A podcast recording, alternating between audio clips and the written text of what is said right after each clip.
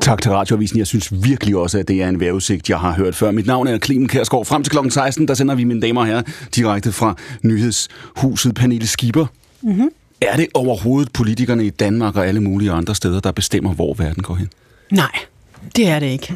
Det er det til dels, men, men det er bestemt ikke der al magten i, i verden, den ligger. Verden og Danmark forandrer sig, det siger alle, det siger politikerne også, men bare fordi de siger det, kan det jo godt være sandt. Og det her, det er programmet om alt, hvad der forandrer sig, og om alt, hvad der bliver, som det er. Svarene, de kommer i dag fra Morten Messerschmidt, formand for Dansk Folkeparti. Så kommer de fra dagens panel, som er med os gennem hele programmet. Det er, som I hørte før, Pernille Skipper. Hun er forhenværende partileder, og nu jobsøgende, Pernille Skipper. Ja. Så har vi også besøg af Mursal Khosravi, nyuddannet endnu, på en måde i hvert fald, kan ski en pol. Du er også Mursal Khosravi, jobsøgende. Ja, i den grad. Med os er også Lars Christensen. Du er økonom, Lars Christensen. Er, er verden sværere at forudsige, end den var for et år siden, to år siden? At den, er, den er altid notorisk svær at forudsige, og, og vi økonomer kan jo godt lide at... Og, øh, at foregive, at den er... Det korte svar er ja, ikke? Nej, jo... at, jeg kan sgu da ikke svare så kort, men nej, det, er, det, det jeg vil sige, det er, det er blevet meget... Der er en situation nu, som er markant anderledes end noget, vi har været igennem. Og mindre, i, mindre forudsigelig, Lars. Meget mindre forudsigelig. Silas Harby, du er tidligere forsker, du var på RUG i dag, arbejder du for Røde Kors. Vi skal tale om den bog, du har skrevet. Det skal vi først gøre senere. Er det rigtigt, at verden blevet sværere at forudsige? Ja, den er blevet øh, klart sværere at forudsige. Lad mig, lad mig svare kort her. Alright, det er, mine damer og herrer, en overskyet dag, måske i virkeligheden en overskyet start på året. Det her, det er P1's nye søndagsvis. Den sendes, jeg sagde det før, jeg siger det lige igen, to timer direkte her fra hjertet af nyhedshuset i DR-byen. Vi starter med at tale om Danmark og dansk politik. Vi taler om den globale dagsorden. Mit navn er Clemen Kærsgaard, og programmet hedder Akkurat.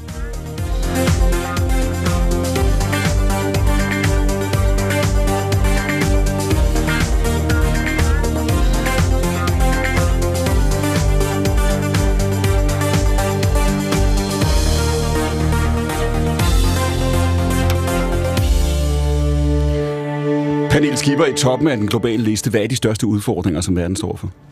Det er jo fuldstændig ubestrideligt klimakrisen, øh, fordi det kan ende med at blive øh, øh, ja, jordens undergang, skulle jeg til at sige, men det er jo ikke en overdrivelse. Øh, og så er det selvfølgelig alle de afledte kriser, altså den manglende fokus, øh, som, øh, som flygtningekrise, krigen i Ukraine, inflationen øh, giver klimakrisen. Altså alle de ting står i vejen for, at vi får ordentlig fokus på klimakrisen. Den oplevelse, som jeg tror øh, mange af os har, ikke bare i Danmark, men også andre steder, det er, at klimaet kommer ind på dagsordenen, fylder, det fylder i nogle dage eller nogle uger, når der er en tilstrækkelig, kan man sige, opsigtsvækkende nyhed, eller en tilstrækkelig opsigtsvækkende udvikling, eller et topmøde, eller et løfte, der bliver afgivet, eller et løfte, der bliver brudt, og så forsvinder det igen.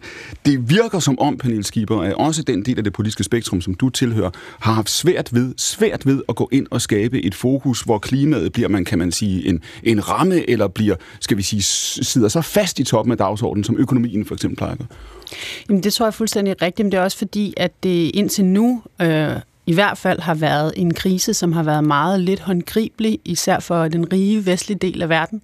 Øh, de, der, de klimakatastrofer, der er ramt, og som rammer i stigende grad, men det gør de mange andre steder, og herhjemme, der går vi og snakker lidt om, at det går nok er ærgerligt, at vi ikke har så meget sne, men det er jo sådan i det store hele der, hvor at det rammer os.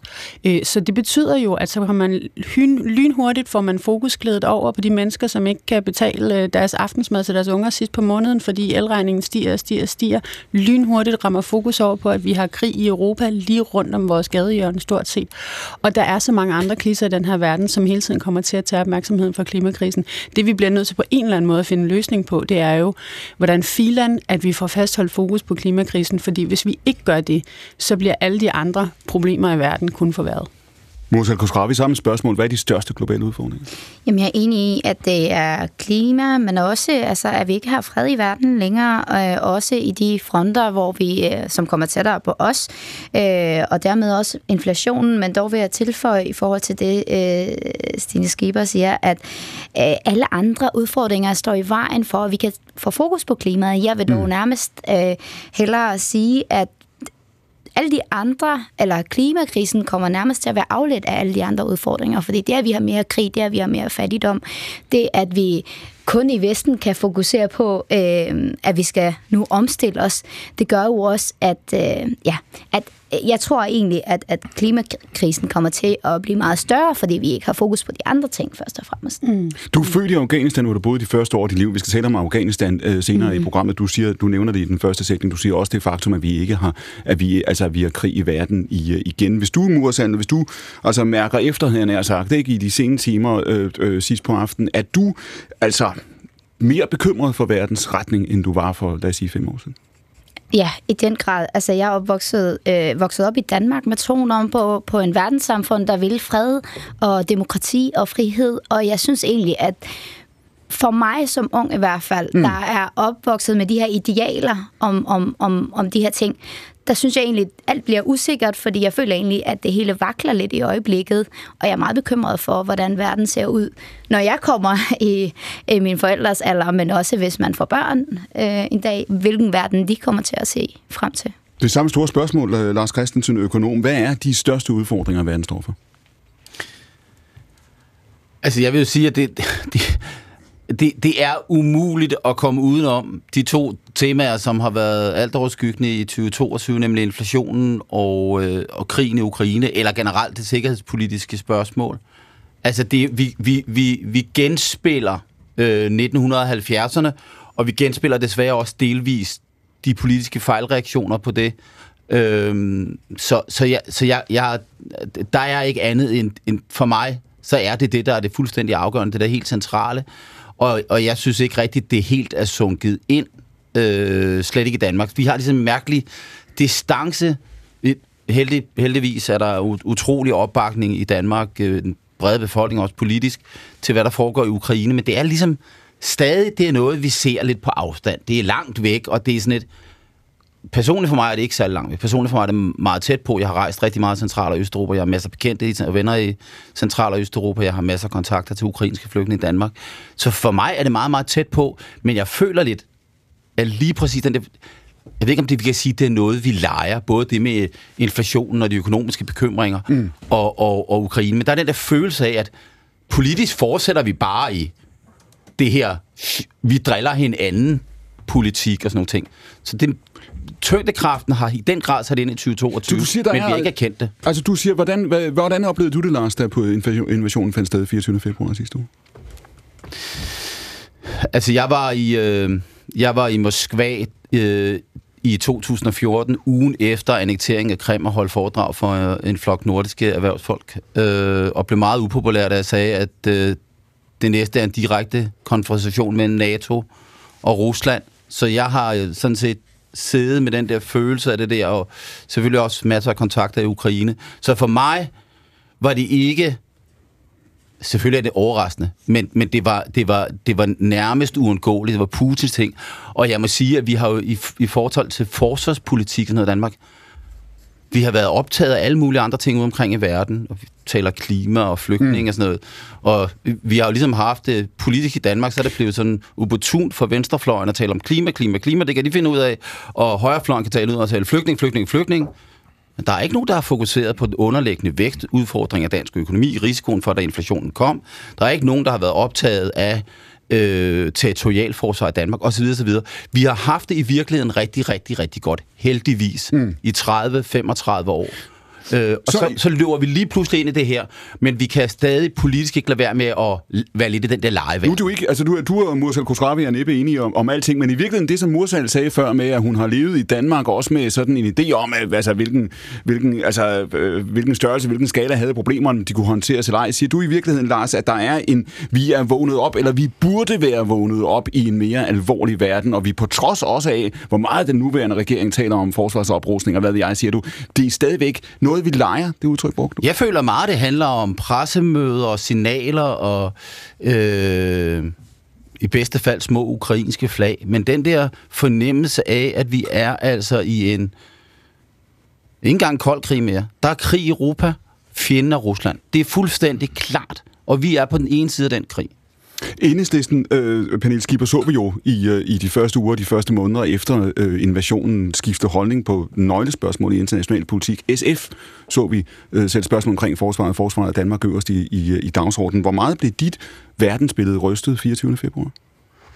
Jamen, det blev rystet øh, ret meget, det vil jeg sige. Øh, jeg tror, at øh, øh, jeg, havde ikke forudset det, fordi at de, de kloge mennesker, som rendte rundt i medierne og sagde sådan nogle ting, de sagde, at det, det kom ikke til at ske. Så derfor tror jeg, at jeg blev rystet ligesom så mange andre. Altså, det var simpelthen ikke... Der var mange... De, de færreste troede, at de rent faktisk ville invadere. Du sagde i de første sekunder af det her program, jeg spurgte dig, om det er politikerne, der styrer verdens udvikling og sætter verdensretning, og der svarede du. Nej. Har du mindre tiltro til, hvad politikerne kan bestemme, end du havde for et år siden? Nej, den er stadigvæk ret lille. Dette er, mine damer her, direkte frem til klokken 16. P1's nye søndagsavis. Mit navn er Clemen Kærsgaard, og programmet hedder Akkurat.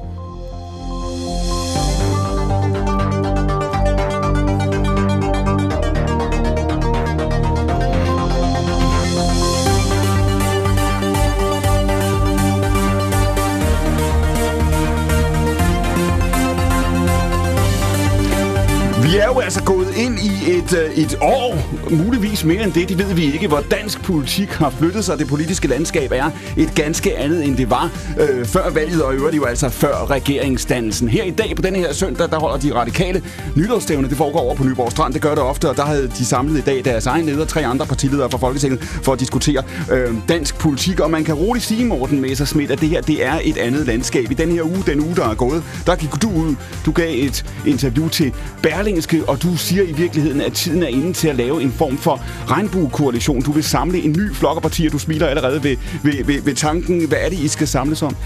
Altså, vi har fået en flertalsregering som bekendt, og det har vi jo ikke prøvet øh, de seneste 30 år. Og derfor er Folketinget, øh, både partierne, men jo også sådan rent institutionelt, nødt til at tage bestik af det. Altså, hvis ikke vi bare sådan skal sidde og være tilskuere til, hvad der sker de næste fire år, så er vi nødt til at tale sammen og finde en ny måde at gøre det på. Og derfor har jeg talt med øh, de partier, som øh, igennem de seneste ja, 30 år, 20 år, øh, har været øh, involveret i rigtig mange som... aftaler og forlig, og prøver at samle dem og jeg ved godt, der er jo langt fra enhedslisten til mig og Dansk Folkeparti. Det er der jo øh, på mange måder øh, og for de konservative til Du får her et decideret, altså kærligt hengiven blik, vil jeg næsten sige på Pernille Skipper. ja, det, ja, jeg sidder også og tænker, hvad vil han? Altså. men, øh, men, men vi har jo det til fælles, at vi altså er med i mange af de her aftaler for lige, og derfor kan have en interesse i at koordinere øh, og aftale det strategiske, og, ikke nødvendigvis det indholdsmæssige. Og kan man sige, nu må du endelig tage det her som en kompliment, Morten, og det skal du gøre med alt, alt, hvad, alt, hvad jeg siger. Ikke? Hvad hedder det? Laver du en Mette Frederiksen? Det vi så hende gøre efter valget, det var jo, hun sagde, nu skal vi tale med alle, vi ikke er vant til at tale med. Du var selv øh, til Marin, hvor mange gange? Åh, oh, tre, tror jeg. Ja, ja, så var der også nogle møder på, Christ, på Christiansborg. Så hvordan, hvordan foregår det her praktisk, når du rækker hånden frem, som du gør nu, og siger til partier, du ikke tidligere har snakket med her under øh, enhedslisten? Hvad, hvad, hvad kan vi gøre? Jamen rent praktisk, altså øh, når vi er med i forlig, så betyder det jo, at vi kan blokere for, at de forlig ændres inden for en valgperiode. Og det betyder, at vi måske ikke nødvendigvis er enige om, hvad det er, der skal ændres, hvilken vej vi vil gå, men vi er enige om, at vi gerne vil have indflydelse. Regeringen kan jo sådan set køre med sit flertal men er begrænset af de forlig, der ligger. Det er der, hvor vi har en interesse, også mellem partier, som indholdsmæssigt måske er meget øh, uenige, og det bliver vi ved med at være, men dog alligevel enige om, at Folketinget og vi partier uden for regeringen skal ikke bare køres over. Pernille Skipper, hvad tænker du? Jamen, øh, det minder mig jo om noget, som Dansk Folkeparti og Enhedslisten faktisk har været ude i før. Altså under Helle Thorning-regeringen, der var det jo også øh, Enhedslisten sådan, øh, move, da vi så, hvad for en økonomisk politik, der blev ført fuldstændig udenom os, og meget, meget, meget til højre øh, at, øh, at række ud til blandt andet Dansk Folkeparti. Altså øh, kampen mod øh, den nye offentlighedslov, den øh, har øh, Dansk Folkeparti og Enhedslisten og øh, Liberal Alliance været øh, fuldstændig øh, uadskillelige partnere i de sidste i hvert fald 10 år. Ikke? Altså det vil være 10 år, den mm. løber på nu. Og øh, så der er der masser af ting, man kan enes om, både substantielt, men der er også en rigtig god idé at tænke i, hvordan man kan blive enige om de demokratiske spilleregler inde i Folketinget. Men det du siger, Messersmith, i virkeligheden, det er, at du siger, fordi forligssystemet fungerer, som det gør, så vil I have en mulighed. Det her, det handler egentlig ikke, altså nu, nu siger jeg, det handler ikke om det politiske indhold. Det er jo løgn, det gør det jo for så vidt, det handler i virkeligheden også om demokratiets funktionsmåde. Ikke? Ja, det vil sige, det er faktisk det, der er det vigtige. Altså et, et flertal er et flertal. Det vil sige, mm. har du 90 mandater, jamen, så kan du få din lov øh, igennem. Men regeringen siger jo, det gerne vil arbejde med det brede folkestyre, inkluderende folkestyre, og hvis ikke det bare skal være ord, så er de jo nødt til at invitere nogle af os andre ind en gang imellem. Og der har vi øh, jo en interesse i, at vi så ikke bliver spillet ud mod hinanden. Mm. At vi så ikke den ene dag ser, når nu hopper SF ind i et forlig, så kan regeringen sige, at det var meget, meget bredt. Og den næste dag, ja, så er det Dansk Folkeparti, og den tredje dag, så er det Enhedslisten. Men at vi rent faktisk siger, hvis det her det skal være et sammenvirkende folkestyre, jamen så skal vi også tage os alvorligt alle sammen. Så det er okay, men hvis du får, altså, altså hvis du får, hvad du beder om her, så, så, er det jo, så er det jo faktisk noget, der vil ændre, kan du sige, den parlamentariske øh, øh, hverdag eller den parlamentariske praksis. Fordi kunne I lave den aftale, kunne I lave den musketeriet med de andre her, så, så kan I jo faktisk i virkeligheden bokse regeringen ret grundigt. Det er sandelig også meningen. Altså, øhm, øh, jeg synes, at øh, Ellemann øh, skal have ros for at trække øh, i et meget rødt folketing magten ind mod midten. Det har jeg også sagt ved flere sammenhænge. Men det, at man har en øh, midterregering, og især det, at man har en flertalsregering, mm. gør jo, at Folketinget lige pludselig er nødt til at spille på en anden klinge. Skipper, kan det lade sig gøre? Ja, det er et rigtig godt spørgsmål. Altså, jeg synes jo, jeg synes jo det er Hvad skulle det dog også ellers være, når det kom fra mig? Ja, det er jo rigtigt, fuldstændig. Øh, det er også en anden måde at sige, at det er rigtig svært at svare på. Ikke? Fordi vi har jo på den ene side, øh, at synes jeg, at det forsøget værd, det er den måde, man kan holde fast, især når man har en flertalsregering, så er det at, at spille sammen, hvis ikke om substansen af politikken, så er det jo mindst om de demokratiske spilleregler.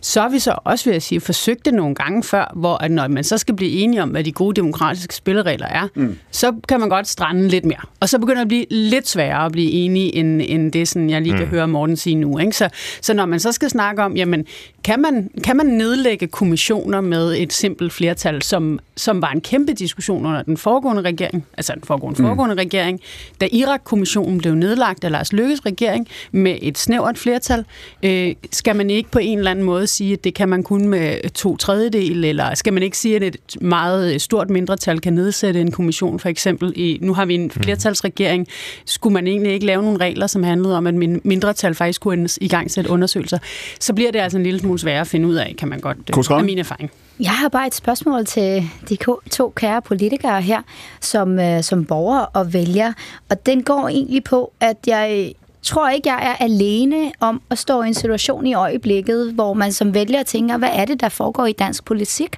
og i hovederne på vores kære politikere. Fordi, at, som man kan høre her, vi har været vant til blokpolitik. Vi har været vant til, at vi, ved, vi vidste, hvor man havde ligesom DF og enhedslisten, og hvem der skulle være statsminister på hvilken blok. Og nu det hele begynder at, at blive rodet sammen på den her måde. Og, og I gentog begge to mange gange de her med de demokratiske spilleregler. Hvordan ser I egentlig, altså hvor meget arbejde ligger I? Jeg ved godt, du ikke er politiker længere, men, men hvis du kan tale på enheds, øh, altså måske bare ud fra den erfaring, du har. Øh, det er mere i forhold til, hvor meget tid bruger I på at forklare borgerne, hvorfor I gør, som I gør lige nu?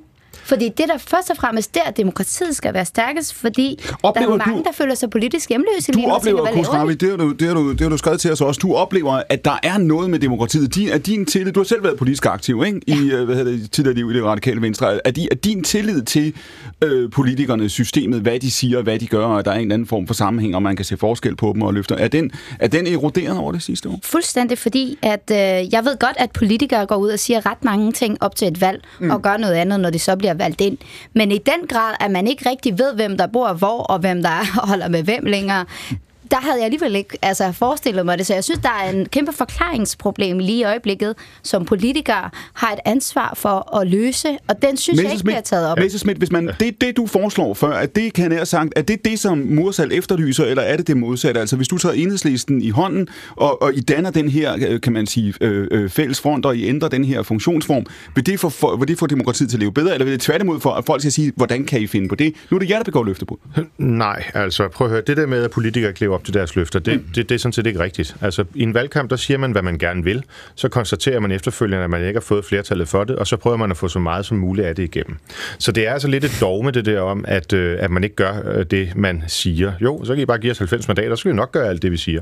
Men det er jo ikke sådan, at vi lige pludselig går fra at mene det diametralt øh, modsatte. Mm. Det her handler i virkeligheden ikke så meget om det politiske indhold. Altså, der er nogle områder, hvor Enhedslisten Dansk Folkeparti kan blive enige. Øh, øh, Pernille nævnte før øh, hele spørgsmålet om offentlighedsloven osv. Der er en helt et område, hvor vi er ret uenige. Mm. Det her, det handler om, hvordan vi som Folketing og vi partier, som altså her har, hvad kan man sige, en klemme på regeringen, tilgår regeringen. Hvad er det for en måde, vi, vi griber det an på? Øhm, sådan at regeringen, når de kommer med nogle udspil til, så vil de ændre tilbagetrækningsregler, så vil de ændre skatteaftaler, så vil de lave forsvarsforlig osv., osv., at de ikke har mulighed for bare at spille, hvad kan man sige, oppositionspartierne på begge sider ud mod hinanden, mm. og så få sin vilje øh, igennem, måske oh. med et parti eller, eller to partier, eller hvad ved jeg. Som amerikanerne siger, Messerschmidt, there is no such thing as a free lunch. Konsekvensen af Altid. det, du siger, det anerkender du også i, i Berlingske interviewet, det er jo at sige, det, hvor det, det stiller blå blok et andet sted end, end blå blok ellers ville være. Ja, man kan sige, det gør bare, at der er kommet endnu en dimension ind i dansk politik, øh, og det er jo ikke sådan, at det var endimensionelt øh, før folketingsvalget. Nu er det måske så gået fra at have syv til otte dimensioner, og det kan godt være, at det bliver vanskeligere at, øh, at overskue, men der må man så bare sige, der har vi jo også en gensidig interesse, journalister og politikere, i mm. så rent faktisk forklaret, hvad handler det om? Nu sidder du i, i, i spidsen for det her parti. Nu har vi, hvad, hvad der jo kan blive en, en, øh, en ret lang periode, i hvert fald med den nuværende regering, den har, som du selv var inde på før, et flertal, den kan vælge at bruge. Om det bliver stabilt eller ej, det kan vi vende tilbage til. Når du ser på Dansk Folkeparti og sætter linjen nu, du sagde før, man taber valget, så får man ikke lov til at gennemføre sine valgløfter. Det tætteste, de har været på det omvendte, det var valget i 2015. Ja. Det var der, der partiet stod så stærkt, som det aldrig har gjort før. Ja. Skulle I være gået i regering med Lars Løkke Rasmussen tilbage i sommeren 15? Ja, altså hvis vi havde gjort det, så ville Dansk Folkeparti og Danmark jo have været et helt andet sted. Men det er, og ja, så svarede jeg ja, altså. Men, øh, men det er jo, altså... Det, Hvorfor skete det ikke? Oh, jamen, det var jo den vurdering, som øh, partiets ledelse dengang uh, traf. Altså, øhm, og ærligt talt, det er jo nu syv år siden, ikke? Otte år, snart mm. syv år siden. Så det tror jeg, man skal bare komme hen over og så sige, nu er vi nødt til at arbejde ud fra nuet. Når jeg spørger dig, var det sådan set ikke for at tale om den historiske erfaring. Mm. Det var mere for at spørge dig, når du også står så klart ved at sige, at det var en fejl, I skulle være gået med. Fordi det er jo argumentet, I møder nu. Det er jo ikke, ikke mig, der graver i fortiden. Hvis der er en, der er optaget af det her spørgsmål, så er det Lars Løkke Rasmussen. Man kan sige, at han har været en arkitekt bag den nuværende regering. Han er dansk udenrigsminister. Du hører Jakob Ellemann Jensen sige det samme. Han kan ikke få øje på blå blok. Det har han været ude at sige meget klart også efter, efter valget. Det handler om den periode, Messersmith. Det handler også om jer, ja. og om dit parti fra 2015 til 2019. Hvis I, hvis I får chancen, vil I så, kan du sige, tilgå det her? Vil I indgå i en samarbejde, den blå blok, på en anden måde, ikke? Absolut. Altså, jeg mener sagtens, man både kan tilhøre en blå blok øh, med de partier, der både sådan nominelt eller øh, indholdsmæssigt er, øh, er, er, er borgerlige. Øh, det er jo i hvert fald nye borgerlige, LA, de konservative, øh, os øh, og Danmarksdemokraterne. Øh, og så samtidig have en strategisk interesse i at samarbejde med partier på den anden side af regeringen over i den røde blok, som hvad kan man sige, strategisk eller, eller øh, sådan formelt set står øh, skulder på skulder med os, fordi vi har lavet rigtig mange aftaler men, igennem årene. Men jeres dilemma, med, og nogen vil sige, det har været dilemmaet fra partiets start og for, øh, for mange partier, det er jo at sige, når skal I forsøge at være med på midten, skal I, skal I samarbejde med risiko for at komme til at ligne de andre for meget, eller skal I stille jer der, hvor man kan høre jer, man kan se jer, man kan se, I skaber kant til de andre, men hvor man så får den situation, vi har nu, hvor både Lars Løkke Rasmussen og Ellemann siger, vi har mere til fælles med Mette Frederiksen, end vi har med dig. Altså det, øh, man kan sige, øh, der er ligesom to dimensioner i det. Ikke? Der er den fordelingspolitiske dimension, hvor øh, vi jo øh, traditionelt øh, har øh, ligget meget ind mod midten. Mm. Nogen vil endda, Lars vil sikkert sige, langt over på den anden side. Vil du sige det, Lars? Øh, ja, det vil jeg i høj grad. Ikke da Morten meldte sig ind i partiet i sin tid, men, men øh, det, i hvert fald... Øh, hvor lå de, Lars Christensen, økonom, hvor lå Morten Messersmith på fordelingspolitikken, da han meldte sig ind i... Noget tættere på, hvor jeg ligger, vil jeg sige. Ja. Og så er der jo hele den værdipolitiske aktie. er det rigtigt, Morten Ja, ja, jeg har helt klart været på en rejse i retning af mere ansvarlighed. Øhm, men, du har men været på en rejse, ja. Øh, og ja. så er der øh, så, så den værdipolitiske aktie, ikke, hvor du kan sige, at Dansk Folkeparti jo er øh, måske ikke ligefrem venstreorienteret eller midterorienteret. Og det tror jeg egentlig godt, folk kan forholde sig til, at, øh, at der er andre måder at være borgerlig på, end at være liberalist.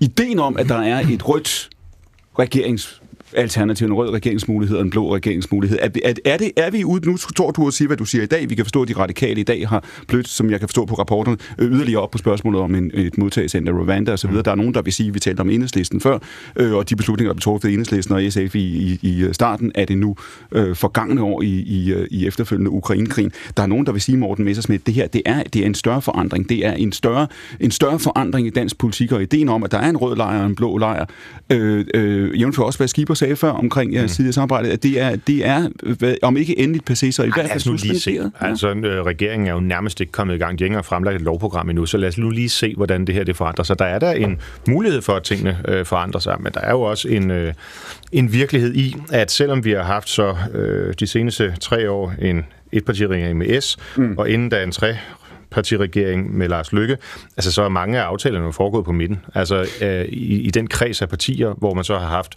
ja, der enhedslisten er jo i tiltagende omfang de seneste 10 år med i flere og flere aftaler. Lars Christensen, når man spørger folk i den, i den borgerlige lejr, borgerlige debattører og, og en del vælgere, så vil de jo sige, at vi har stort set aldrig haft et blåt alternativ. Det har været svært at se selv, når de blå har haft magten. Og nogen vil jo også sige, at skal man reformere landet, skal man skære, skal man lave om, så skal man ønske sig en Torning Corridor akse eller man skal måske ønske sig den regering, vi har nu, altså af socialdemokratisk ledede regeringer, hvis krisetiden melder sig, kan man sige, smidiggør Danmark i virkeligheden ender med at efterlade Danmark mere liberalt, end de blå regeringer er i stand til det rigtigt? Så øh, øh, den eneste borgerlige flertalsregering, vi har haft, det var jo øh, VKR-regeringen fra 68 til 71. Det var mildest talt ikke nogen succes. Øh, og øh, og øh, jeg, jeg var selv embedsmand i, i Nyrup-regeringen, og det synes jeg var en kæmpe succes i forhold til, ikke at jeg var embedsmand, men øh, Nyrup-regeringens økonomiske tiltag. Øh, var du en god embedsmand, Lars? Og, og, og jeg, jeg er meget, meget stor øh, fan af, af det, som Bjarne Korikon gjorde for Danmark som dan- statsminister. Eller ikke som statsminister, desværre. det, var meget, det, var, det var meget freudiansk, ikke? Men, men, hvis man spørger, når, hvis man spørger sig sagt, selv, hvad, når, hvad, når det hvad, så er sagt, så er det jo teknokratsnak, ikke også? Jo. Det er teknokratiske muligheder, som Socialdemokratisk regering gør. Det handler jo ikke om at sige, at der skal skabes nogle idéer. Og man må sige, at det borgerlige projekt har været idéforladt i snart 20 år. Efter min mening, fordi det har været en besathed af flygtninge og indvandrerspørgsmål og islam, i stedet for en optagethed af det, der plejer at optage øh, de borgerlige.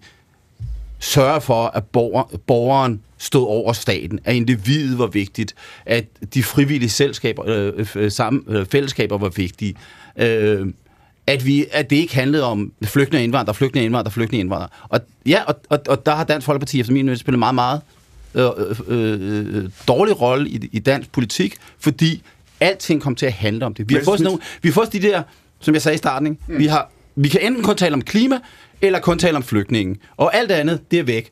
Og i det, der ser både rød og blå øh, blok ret idéforladt ud. Jeg tror, jeg tror, vi skal være rigtig, rigtig glade for, at vi havde øh, en 10-15 år, hvor udlændingen fyldte så meget, fordi hvis ikke, så havde Danmark jo øh, demografisk været på en katastrofekurs. øh, man kan sige, øh, der, der er jo en smuk ting i, at befolkningen reagerer. Når der er noget, der truer landet, jamen, så er der noget, der bliver et stort tema, så opstår der partier, der tager det alvorligt, og så er Folketinget faktisk rigtig gode til at få det løst.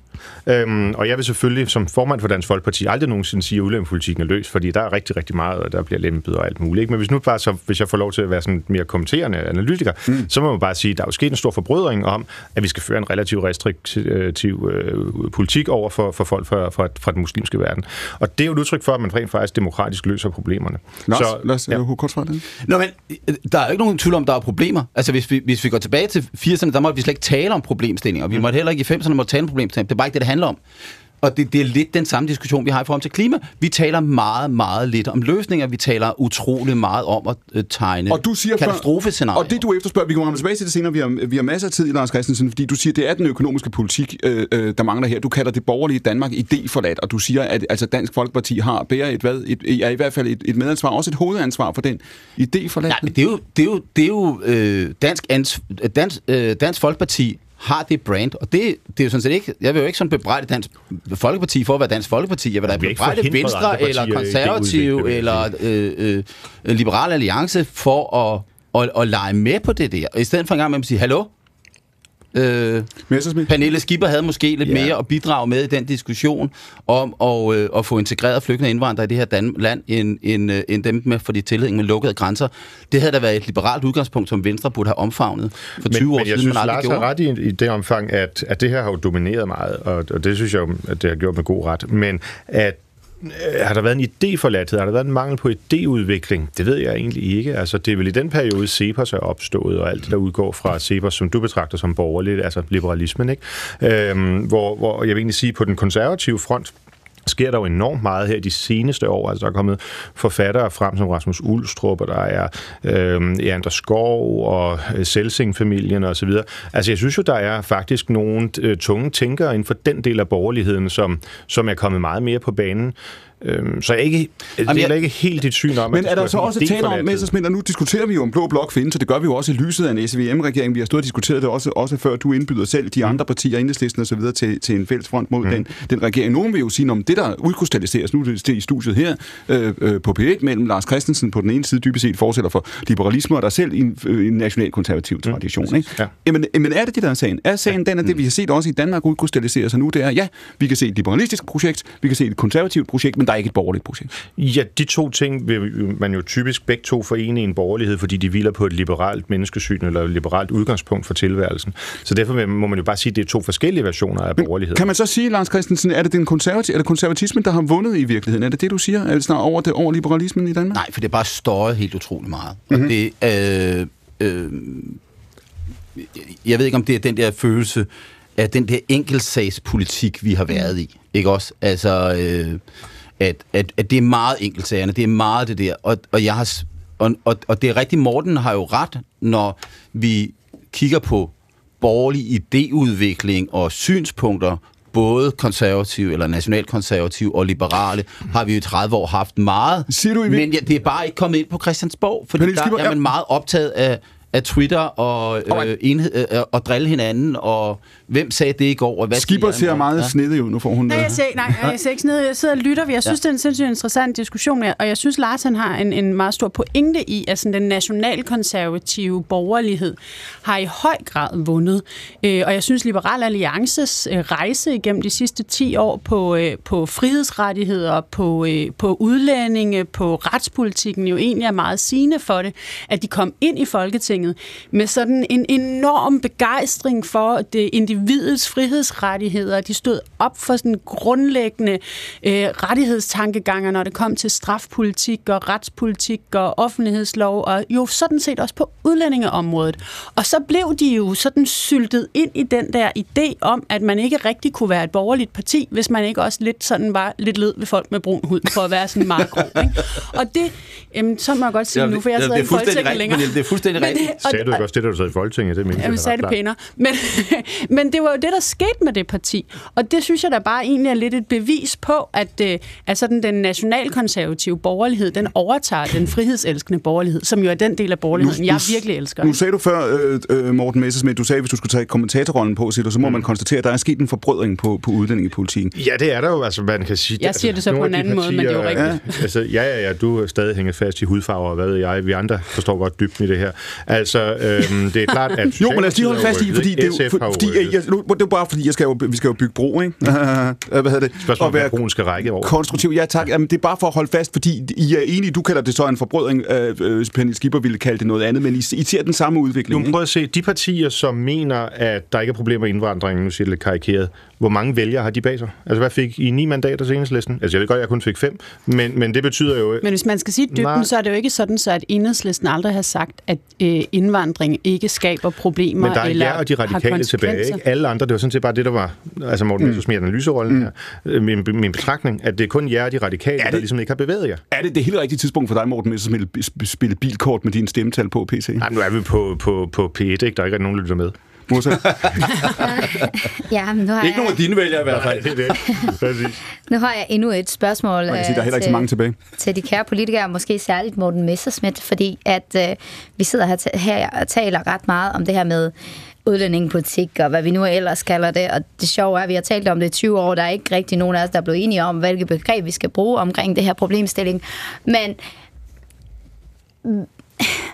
kan man ikke, tænker jeg ikke, at der, der er mange borgere, der sidder lige nu, særligt med den fremgang, som Nye Borgerlige for eksempel havde, og de nye partier, der sidder simpelthen og tænker, at de gamle partier kan simpelthen ikke finde ud af, jeg ved godt, Socialdemokratiet havde et ret godt valg, men nu tænker jeg særligt på, på DF, at folk tænker, hvad er det egentlig, I har gang i? Fordi man sidder med en følelse af, at I ikke optaget af de reelle problemer lige nu. Vi kunne have brugt de sidste 10 minutter på at snakke om inflation.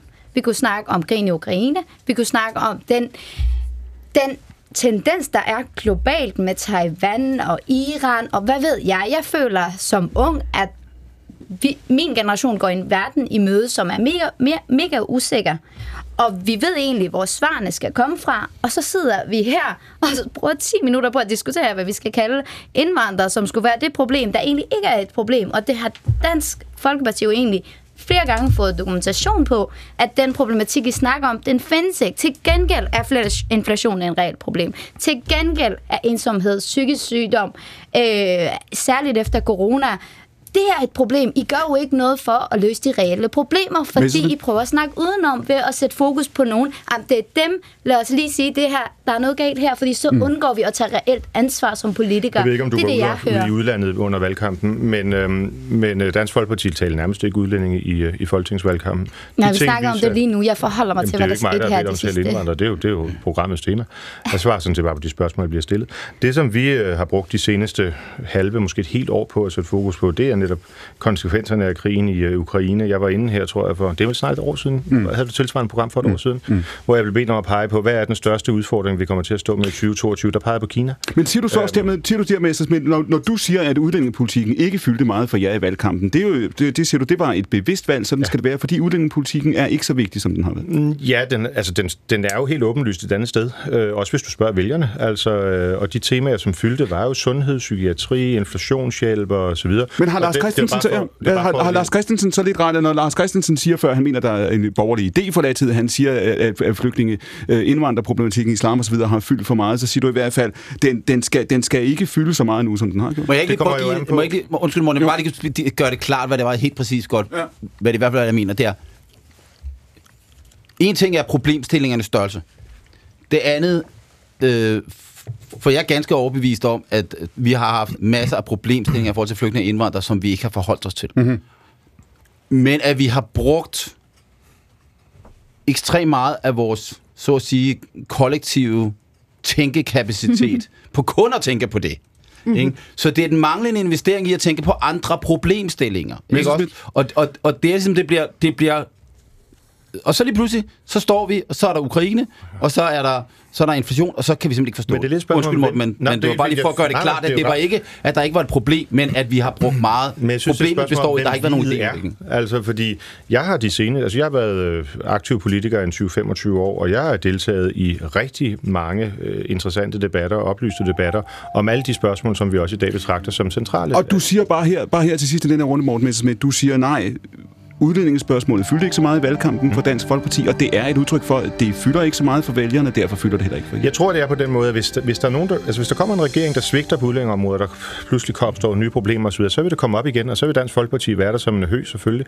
Men, men, men vi er jo et parti, der har bud på alle andre politiske områder også, og det er derfor det, som øh, jeg blev udfordret med før, simpelthen ikke, altså grundpræmissen for de spørgsmål holder ikke vand. Fordi så du siger, det er, og det, det er, det er helt... det, der helt, ideen i, vi er med alle de her forlig, det er jo, de har ansvar på alt fra psykiatri til forsvar. Og... Hvis der er nogen, der tror, I stadig er et enkeltsagsparti, så tager de fejl. Så er de ikke fuldt med i dansk politik de seneste 10 år. Klokken er 14.39. Dette er akkurat vores nye søndagsavis på Danmarks Radios program 1. Mit navn er Kline Kærsgaard.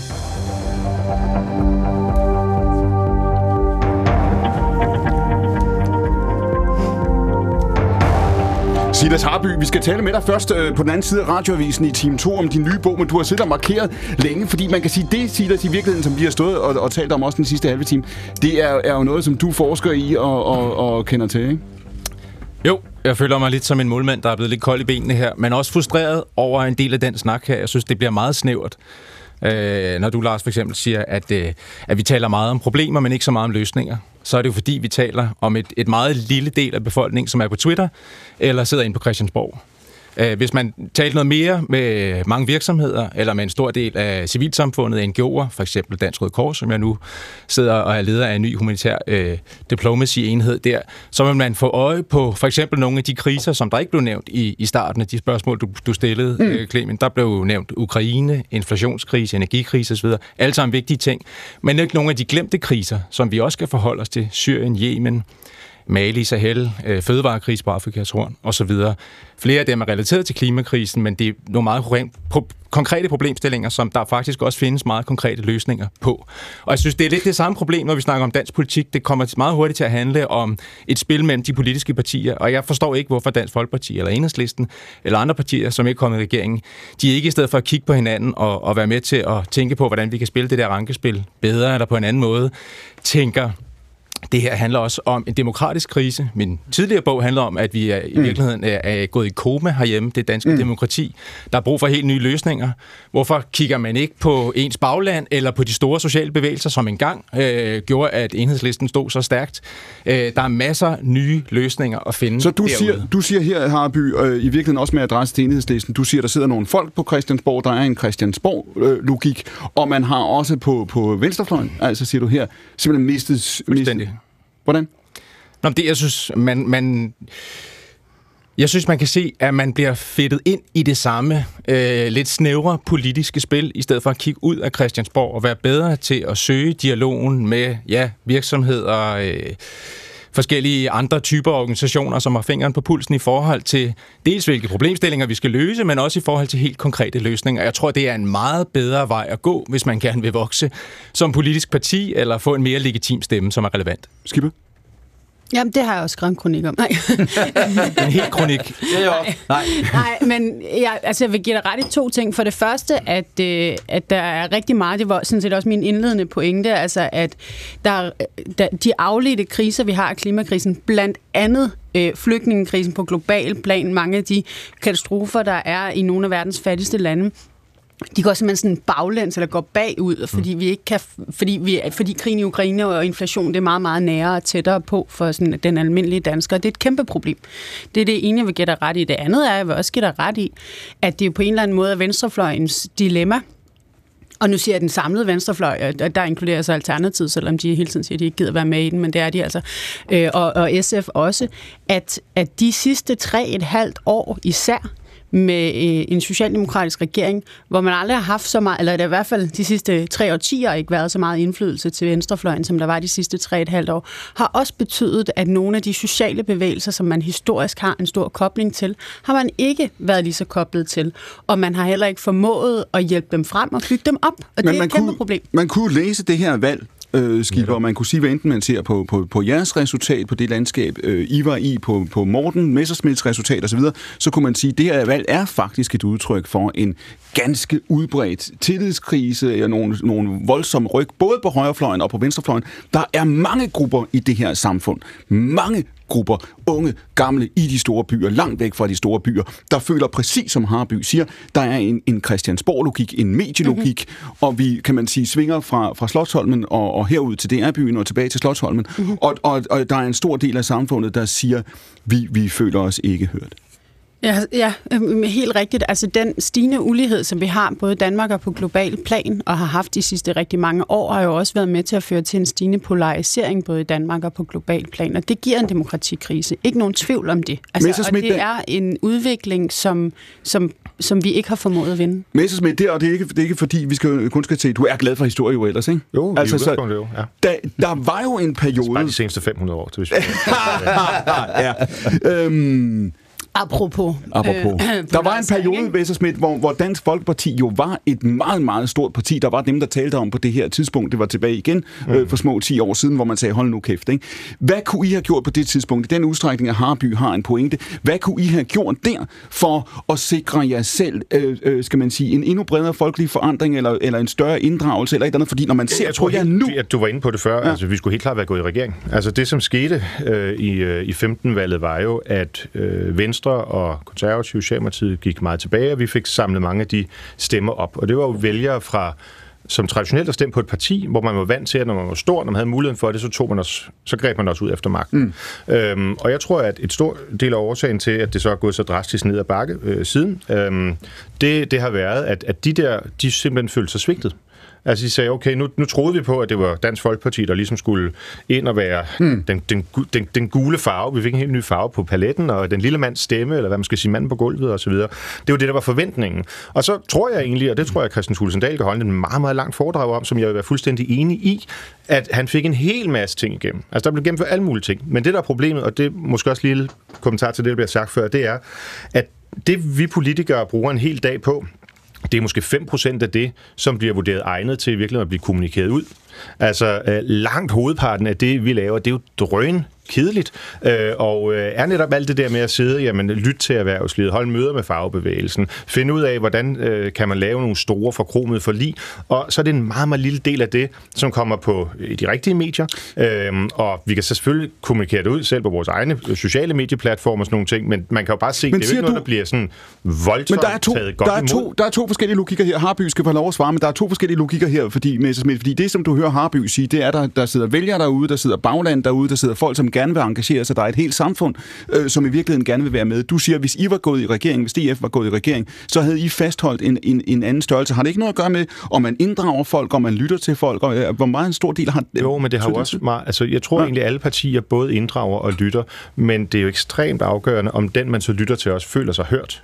Skal Om jeg synes, dit svar øh, sådan set bare bekræfter min analyse, nemlig at du straks går til, hvorvidt de gik i regeringen sidst. Det er også specifikt det, du spurgte om, så det er jo ikke så underligt, at jeg svarer på det. Nej, nej, men du svarer øh, på en bestemt måde, nemlig at det handler om, hvorvidt de gik i regeringen sidst eller ej. Og det tror jeg er rigtigt er en del af analysen. Det er ikke at sige, at, at der er også en anden del, som for mig at se handler om, og det gælder ikke kun dig, men Christiansborg i det hele taget, i hvor høj grad man lytter til øh, bagland, sociale bevægelser af meget forskellige karakter, den enkelte borger, virksomheder osv., Øh, og jeg er da overrasket over, at du bruger 95 procent af din tid på at, at lytte til dem. Øh, men det synes jeg kun er positivt, hvis det er rigtigt. Nej, det er ikke det, er ikke det jeg sagde. Jeg sagde 95 procent, det kan også være 90, men at det arbejde, man som politiker har, det er ikke noget, der er egnet til det rent kommunikative, fordi der ligesom er nogle bestemte temaer, og det er jo det, man kan mærke og opleve. Og jeg tror bare lige, du kan komme ind nu, velkommen til at komme ind og følge mig en uges tid, så kan du opleve, hvordan det er. Det er altså, ikke at, at det, der, det, der er svigtet her, det er i virkeligheden, ja, du kan også ved nogle andre, det er jeg helt sikker på, hvis, hvis, det, hvis du ikke bryder dig om mig. Øhm, jeg tror, det der er problemet, det er ikke bare, om man lytter, det er, om den, man lytter til, også føler sig hørt. Har det, og man har, nu får du lov til at tale på vegne af alle de andre partiledere også, Messerschmidt. Ja. Har partierne, som vi kender dem, et generelt problem? Mm, både ja og nej, altså, øh, fordi... Øh, Altså det danske, jeg mener virkelig, at det danske demokrati, det danske samfund og den danske befolkningsdemokratiske sindelag er noget af det øh, er, er, er i top. Men, men, men der er jo i forhold til hele den medieinformation og den stigende hvad kan man sige, individualisering i forhold til, hvad det er, man interesserer sig for, og jeg vil høre, så mine interesser osv., mm. der er der selvfølgelig en udfordring, fordi øh, dels tager øh, det tid at ændre på store reformer, og dels kan jo, man ikke det, Nu sætter vi igen om logikken før, men jeg siger, jeg siger dig, du siger bare, du siger, ja, der er et problem i forhold til, hvor, hvor det er at kommunikere ud i medierne, men det korte svar på, om partierne har et problem, det er nej. Det synes du egentlig ikke. Ja, der er, opstået, der er nu der 14 partier, der var opstillingsberettiget. Ja. Altså, det er jo ikke, fordi vi på den måde har mangel på dem, og der, det er svært Harby, at stifte dem. Ja, det er rigtigt, fordi det, det svar, Messerschmidt giver nu, synes jeg egentlig er relativt repræsentativt det, som politikerne meget ofte siger, når man spørger, har partierne et problem? Har I et problem med jeres vælgerforeninger? Har I et problem med jeres baglande? Har I et problem med, med jer selv i virkeligheden? Så svarer de, det er, det er medierne, hvor det, hvor det ryger sporet. Ja, lad mig starte med at sige, at jeg har slet ikke noget problem med dig personligt. Tværtimod har vi jo haft et uh, meget behageligt møde øh, øh, som gik forud for den bog, jeg har skrevet, som vi skal tale om senere. Øh, så jeg taler helt generelt om politiske partier og politik som sådan. Det vil jeg gerne lige slå fast. Men derudover, ja, der er et problem. Øh, tilliden til politikerne er desværre halveret på bare 10 år, og medlemstallene til, til de politiske partier, det ved vi også alle sammen, mm. falder øh, samtidig. Så, så øh, jeg har svært ved at se, øh, at det skulle gå super godt, men det er rigtigt, at vi ligger på toppen, hvis man kigger globalt set og sammenligner os med andre demokratier, så går det faktisk rigtig godt. Men det er jo ikke den eneste sammenligning, man kan lave. Man kan også sammenligne sig med, hvordan det er gået tidligere, og man kan sammenligne sig med, hvor man faktisk gerne vil hen. Og der mener jeg godt, at vi kan stræbe højere. Kontrolle? Jeg synes, at der er en kontrast mellem, øh, jeg tror, Morten Messerschmidt for en gang skyld har helt ret i, at det demokratiske sindelag i Danmark, den altså, den er der ikke noget galt med. Der er vi på toppen. Men problemet er, at bare fordi, at det danske befolkning har et velfungerende demokratisk sendlag, betyder det ikke, at vi har tillid til de politikere, vi har at gøre med. Øh, og der Men du et... tilhører Mur, så lad os lige prøve at holde fast i det, fordi du siger også, før jeg spurgte dig for en halv time siden, jeg sagde, at du har mistet tillid til, til det politiske system, eller så videre over det sidste år, du siger bestemt, ja, du er nyuddannet kanske en pol, ikke? Hvis du sidder med, med, med, med de kompetencer, den position, du har i samfundet nu, og siger, når du ser ind på Christiansborg, så fungerer det ikke. I Klaas Christensen øh, hørte vi her for en halv time siden sige, der er en idé forladthed i virkeligheden i det, i det, politi- i det blå i det blå landskab osv. Så, så hvis ikke I, hvis ikke du og Lars havde nær sagt, og Silas øh, Harby føler jeg repræsenteret, så er der måske, altså, hvad, hvad så? Hvad er det udtryk for, tror du? Jeg tror, det er udtryk for igen, at øh, Christiansborg er lidt en, en lukket klub. Øh, den første udsendelse er Akkurat, som var i sidste uge, der hørte vi nogen tale om det her med, jamen, at de nye partier, der stormede frem, var et udtryk for, at demokratiet fungerede, og vælgerne dit og dat. Og der synes jeg igen, man skal tænke på, hvem var hvem var det, der stiftede de nye partier? Jeg synes igen, jeg vil bare fremhæve kontrasten mellem tilliden til politikerne et af de punkter, som jeg ved blandt, fylder rigtig meget blandt unge, det er for eksempel, hvordan politikere gang på gang kan begå kriminalitet og slippe afsted, og så komme ind og nærmest få en ministerpost bagefter. Det er en af de ting. Ser vi på Lars Løkke, Inger Støjberg med flere, så har der været situationer, hvor politikere kan gå ind og faktisk altså, tage fodlænken af og komme ind og sidde ah, på Christiansborg. Det er Lars Løkke Rasmussen. Er det, nærmest ja. ikke Rasmussen, men okay. vi, altså Inger Støjberg nævnte jeg også, ikke? Jo. Men hun er pointen, er bare, at, ja. pointen er bare, at man som ung sidder og tænker, hvad er det for et samfund, vi men, har? For det er ikke sådan, det fungerer for os almindelige Lad mig lige holde fast. Nu, du står nu, nu siger du før, at det valg, I har fået her, I fik 2, Øh, 6. Tænker du ikke, når du ser tilbage på de stemmetal, I havde for små 10 år siden, der var et potentiale, vi kunne have holdt fast på det her? Du sagde det før, du talte om regeringsdeltagelse. Har det ikke også noget at gøre med, hvordan I ser på jeres medlemmer, hvordan partiet fungerer? Nej? Altså, jeg har gjort det den seneste halve time, ja. fordi du har insisteret på at tale om 2015. Men altså, nej, det er ikke noget, der optager mig vældig, vældig meget, hvordan Christian Tulsendal kørte partiet tilbage i 2015. Mm. Jeg er ekstremt optaget af, hvordan øh, Dansk Folkeparti og det demokratiske og hele det her spil er nu. Og bare sige, det der jo er i hvert fald øh, væ- altså, tingene er jo en helt anden virkelighed i dag. Altså de platforme, de temaer, øhm, øh, den måde, øh, man laver politik på i dag, er jo anderledes, end den var i 15. Altså, jeg blev valgt første gang i 2005, altså der var slet ikke noget sociale medier, altså jeg kan huske første gang, jeg lagde noget op på, et, på, på Facebook, da jeg lige var kommet på der, under et europavalgsmøde, der så var en siger... overvældende reaktion, du skal passe dit arbejde, lad være med at sidde og være på Facebook. Altså, øh, det går så hurtigt, øh, og derfor kan man ikke sammenligne Alright. nu med Skipper. 2015. Jamen, jeg tror, jeg synes, at vi, øh, vi skal se den manglende, altså den manglende tillid til, eller den stigende mangel på tillid til politikerne, som et udtryk for danskernes demokratiske sindelag. Mm. Altså, det tror jeg virkelig, det er. Jeg tror, at Mål har en rigtig god pointe i det. Mussel. At, undskyld, Mussel. Nej, undskyld. øh, altså, den manglende tillid, der er øh, mange flere også meget mere flytbare mellem partierne. Altså, vi ser mm. ligesom en, en stigende illoyalitet, og det er jo også derfor, der kan komme mange nye partier ind, og de kan, det kan gå op, og det kan gå ned, og på en meget større skala, end man har set det før. Det dalende medlemstal. Altså, jeg tror da, at det er fordi, man har et demokratisk tillæg, og man har oplevet i hvert fald siden finanskrisen der i 07-08 mm. brød ud, at der har været en masse politikere, som har snakket en masse og sagt, at de vil løse en masse, men jo reelt ikke har gjort det. Og så er vi tilbage til der, hvor vi startede det ja. program. Hvem er det egentlig, der bestemmer i den her verden? Og der er der jo også bare nogle politikere, som bliver ved med at bilde folk ind, at man på Christiansborg kan løse en masse problemer, men det kræver jo et opgør med nogle strukturer på global plan, som det danske folketing ikke har magten over. Havde du som, som leder af enhedslisten mindre magt, end du havde troet, du ville have? Altså på samfundets retning, samfundets udvikling? Nej, der tror jeg ikke, jeg havde de store illusioner. Jeg synes, at vi formåede at gøre en masse ting de sidste tre et halvt år, øh, som også var mere, end jeg havde håbet på, da jeg blev valgt i 2011. Men, øh, men jeg må også sige, at den lille illusion, jeg, jeg ligesom fik bygget op for mig selv mellem, øh, mellem 19 og 22, den er jo også bræst nu. Hvad mener du med det? Øh, jamen nok har vi formået at rykke Danmark i, øh, i en retning, som Lars sikkert er rigtig ked af de sidste tre et halvt år, som er markant grønnere, markant større med velfærdsinvesteringer og en, en helt anden økonomisk politik, men den har jo ikke været holdbar. Det har jo været en retning, som øh, Bjarne Korydon har kaldt et rødt frikvarter, og jeg er jo ked af at sige det, men han har muligvis ret i det her tilfælde.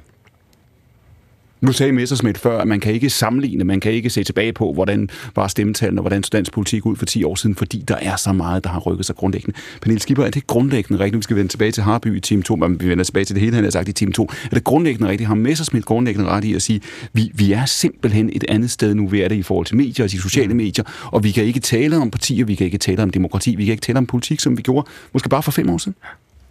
Det er til dels rigtigt. Altså, verden er en helt anden, øh, arbejdsforholdene er en helt anden, men der er jo også nogle ting, som, som ikke har ændret sig. Jeg synes, vi trænger til noget mere ærlighed om, hvad man egentlig kan formå at gøre politisk og på Christiansborg, hvad det danske folketid kan rykke ved, og hvad som i virkeligheden ligger i hænderne på en øh, globaliseret kapitalisme, som det danske folketing, øh, ikke, øh, eller det danske folketing ikke øh, bestemmer over. Er det rigtigt, Lars Christensen? Jamen, jeg, jeg synes, der, jeg synes, Pernille siger to meget vigtige ting. Det første, det er... Øh jeg ved ikke, om mistilliden blandt danskerne til folkestyret, eller ikke til, til, folke, til politikerne er blevet større sådan overordnet set. Der, der er, det svinger sådan nogle ting. Men, men jeg synes jo, det er vigtigt, at vi har en befolkning, der har en grundlæggende mistillid til politikerne. Mm-hmm. Øh, politikerne er folkets du, de er valgt ja. af, af folket, så har de at levere varen. Øh, og derfor, lige, så, jeg, jeg holder lige fast, jeg, jeg holder lige fast i den, jeg holder lige fast ja. den, fordi nu skal jeg sige dig, du kan jo godt, du kan godt lide, du kan godt lide hyggeleri, ikke? Du er fan af hyggeleri. Jeg kan godt lide at blive klogere på hyggeleri. Og det skal vi vende tilbage til. Du siger i virkeligheden, Lars, øh, mistilliden er også en god ting. Ja, jeg synes, jeg synes at det er ekstremt vigtigt, at befolkningen hele tiden, og også gerne medierne, øh, er kritiske. Er kritiske på, fra alle mulige måder. Diskuterer, og der er nuanceringer, for, forskelle. Og, og, og, og, og altså, nu har vi jo et program, der tager to timer. Det er jo fandme helt unikt. Øh, at, så det, det er det ene, der, der er vigtigt. Det andet er det der med, det kunne også være rigtig dejligt. Pernille siger det. Men, Pernille og jeg er uenige om, hvad, øh, hvorfor det er sådan, der. Men det der med, at der er ting, som politikere ikke kan levere på. Mm. Altså, nogle gange, så sker der noget, der ikke er rart. Du bliver syg, der sker et eller andet, der kommer noget ind fra højre af, der rammer dig, der er godt eller dårligt. Politikere tager altid æren for, hvis det er godt, hvis det er gået dårligt, så er det ikke deres skyld, men de skal nok løse problemet. Nogle gange kunne man måske være dejligt, at der var nogle politikere, der sagde, ved I hvad, der er krig i Ukraine, energipriserne er steget, ved I hvad, vi kan ikke gøre en skid ved de stigende energipriser, vi er alle sammen blevet fattigere, det må vi forholde os til.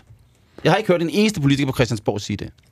Jeg tror, øh, nej, ja, nej, det er også fordi, det er rigtigt. Altså, vi har jo set, at andre EU-lande, som for eksempel langt tidligere end også har reduceret deres afgifter og sådan nogle ting, og det har jo påvirket prisen. Så, så er det steget lidt på grund af, at efterspørgselen er blevet påvirket, men at men, man ikke kan gøre noget, er jo, er jo ikke rigtigt. Nej, er der, men, men, men, men, er der en pointe, men der er en krig, Morten. Der er en krig. Det er rigtigt. Vi, vi, det altså, kan vi nok ikke gøre den, den der illusion om, Nå, men vi, vi kører bare videre. Nej, altså hvis der, men hvis det der synes jeg slet ikke, at det politikerne siger. Jeg synes, altså, det er altså- ekstremt vigtigt, og, og at politikerne tør være ærlige over for befolkningen. Ikke også? At der er nogle gange noget, der koster noget. At der Men det er jo noget, der har det, vi ser i øjeblikket. Altså nu, øh, bare for at tage et helt konkret eksempel. Den her regering er jo kommet med det her forslag om at fjerne stor bededag, øh, som øh, alle jo ved, Nå, men det kan du godt grine af, men det er da i hvert fald, det dementerer af påstanden om, at politikerne ikke ligesom tør gøre noget upopulært for at håndtere den aktuelle krise, vi befinder os i, fordi hvis der er noget, der er upopulært, så er det at fjerne en helligdag. Så, så, så, det, er jo, så det er jo ikke rigtigt. Der, hvis jeg bare må et, et tema, der til synligheden er, er øh, ikke kommet få at, at tale om her. Jeg synes, der er et kæmpestort problem i medierne, fordi det er meget svært i dag at se, hvad den egentlige forskel på dækningen af Christiansborgs arbejde er, om du abonnerer på Berlingske, Jyllandsposten, øh, Børsen eller Politikken. Og det er måske fordi journalisterne hele tiden shopper imellem dem. Altså herhen over nytår, jeg skulle lige opdatere, fordi der var en 4-5 af Christiansborg-journalister, der var gået fra Berlingske til JP og JP til politikken, og, mm. og det er jo fint, det, det er godt karrieremæssigt sikkert for dem. Men pointen er bare, at ideen med at have de her mange medier er jo, at de også angriber temaer så, så du siger, hvis, sider, du siger, de ikke. Så du siger i virkeligheden, Messersmith, hvis, hvis, øh, hvis journalisterne sidder og tænker, politikerne I shopper frem og tilbage, vi kan ikke se forskel på jer, når du ser den anden vej, den anden vej gennem ruden. Ja det samme billede? Ja, og der må jeg bare sige, altså vi er valgt af vælgerne. I er der, journalisterne er der, for at holde øje med det politiske system kører. Og der er der et problem i, at det er øh, blevet en meget indspist kaste over journaliststanden. Skipper?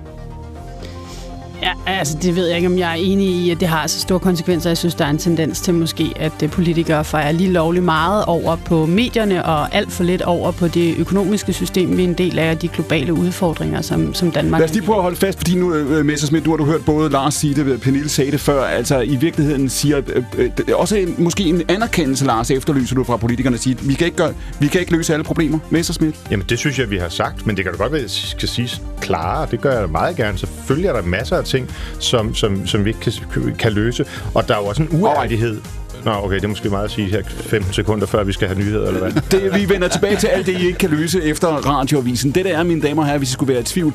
P1's nye søndagsavis, vi sender direkte frem til klokken 16, men nu er der ganske rigtig radioavis. Den kommer her. Klokken er 3. Regeringen er ikke i tvivl om, at det er rigtigt at afskaffe stor bededag, selvom forslaget har mødt massiv kritik. Det siger udenrigsminister Lars Løkke Rasmussen på de radikale nytårsstævne i Nyborg. Vi står fast, siger Lars Løkke Rasmussen, og han tilføjer, at han er overbevist om, at helligdagen bliver afskaffet. Regeringen har på flere sider mødt kritik for at koble afskaffelsen af store Bededag sammen med finansieringen af de øgede udgifter til forsvaret, og fagbevægelsen peger på, at regeringen med sit udspil blander sig i overenskomstforhandlingerne. Ifølge Ruslands forsvarsministerium har russiske styrker dræbt mere end 600 ukrainske soldater ved et raketangreb i Kramatorsk i det østlige Ukraine, skriver nyhedsbyrået Reuters. Ministeriet siger, at angrebet er hævn på Ukraines dødelige angreb på den russisk besatte by Markivka, som er en del af Donetsk-regionen. Et angreb, der fandt sted tidligere i år. Reuters har ikke været i stand til at bekræfte oplysningerne om angrebet, ligesom det heller ikke fremgår, hvornår det skulle have fundet sted. Fra ukrainsk side har man ikke kommenteret den russiske melding. Det er ikke alle børn og unge, som i øjeblikket har mulighed for at gå til fodbold, håndbold eller ridning, fordi krisen rammer mange familier hårdt økonomisk. Og derfor har Svend Gønge håndboldklub i Lundby syd for Næstved valgt at tilbyde gratis kontingenter til alle unge under 15 år i denne sæson, siger formanden for foreningen Marianne Havskov Madsen. Det har vi blandt andet valgt, fordi at der er stigende energipriser, og inflationen har sat ind, så øh, kan vi bare se, at øh, medlemstallet det falder, og vi bliver nødt til at gøre et eller andet. Og flere familier er nu så presset, at foreningen tager et stort ansvar, mener Nikolaj Vinter Stockholm, som er direktør for DGI Midt- og Vestjylland. Ja, det synes jeg er et rigtig flot initiativ i forhold til, at øh, alle børn og unge kan spille videre, på trods af, hvis man er udfordret på den, på den økonomiske side. Og Svend Gynge håndbold har noteret et fald fra 160 til ca. 110 medlemmer på tre år, og derfor håber foreningen, at det gratis tilbud kan vinde den udvikling. Det kan godt være, at vi døjer med gråt og vådt vejr i disse dage, men det er vand i forhold til, hvad man ser i Kalifornien lige nu. Det er ellers solskinstaten. Her er man ramt af storm og regn i så voldsomme mængder, at det resulterer i oversvømmelser, og vejret har efterladt mere end 330.000 husstande og virksomheder uden strøm, skriver Reuters. De seneste dage er seks omkommet, blandt dem et lille barn, der befandt sig i et mobile home, som blev ramt af et træ, som væltede. Ja, her hjemme går det betydeligt mere fredeligt for sig, selvom der kommer overskyet vejr med lidt regn på Sjælland og Bornholm, men ellers skyde med enkelte byer, og så får vi svag til jævn sydlig vind på Bornholm og ved vestkysten op til frisk eller hård vind, og så temperaturer mellem 5 og 8 grader. Det var radiovisen. Det var radiovisen. Klokken den er 15.03, og det er Danmarks Radioprogram 1. Morten Messersmith, er du mere bekymret for verdens retning og verdens udvikling, end du var for et år siden? Øh, ja, både ja, fordi tingene er jo eskaleret helt åbenlyst, men, men, men man kan sige, hvis man må tillade sig at være lidt bagklog, det må man se godt i det her program, mm. så er det jo desværre eskaleret i den retning, som vi kunne forudse. Heller være bagklog, end ikke at være rigtig ja, klog. det kan du sige. Det er eskaleret i den retning, man kunne forudse? Ja, altså øh, Putin øh, tog øh, den ultimative konsekvens af sin, den eskalering, som øh, man har gjort mulig øh, for ham igennem de seneste øh, 10 år, og Kina øh, benytter enhver lejlighed til at, øh, at trumfe øh, igennem øh, på alle kontinenter for at varetage sine interesser. Samtidig så har man et øh, USA, der sådan, øh, går mere og mere op i limningen, og et EU, der ikke ved, hvad de vil. Det var øh, den korte det var din nytårstale, kan man det, sige. Ja, det er verden 2023. Morten Messersmith står her i studiet ved siden af mig. Panelet i dag, det er Pernille Skipper, Lars Christensen, som er økonom af Mortal Kosravis og kommentator. I møde Silas Harby, han er aktuel med bogen til forsvar for hyggeleriet, og den skal vi høre om om lidt med os i denne time. Også Daniel Korski, i dag driver han virksomheden Public, han er med os fra London. Tidligere har han blandt andet været rådgiver for den britiske premierminister, dengang han var det David Cameron. Dette er vores nye søndagsvis på Danmarks Radio, program 1, sendt direkte fra DR-byen fra 14 til 16. Programmet hedder Akkurat, og mit navn er Clemen Kærsgaard.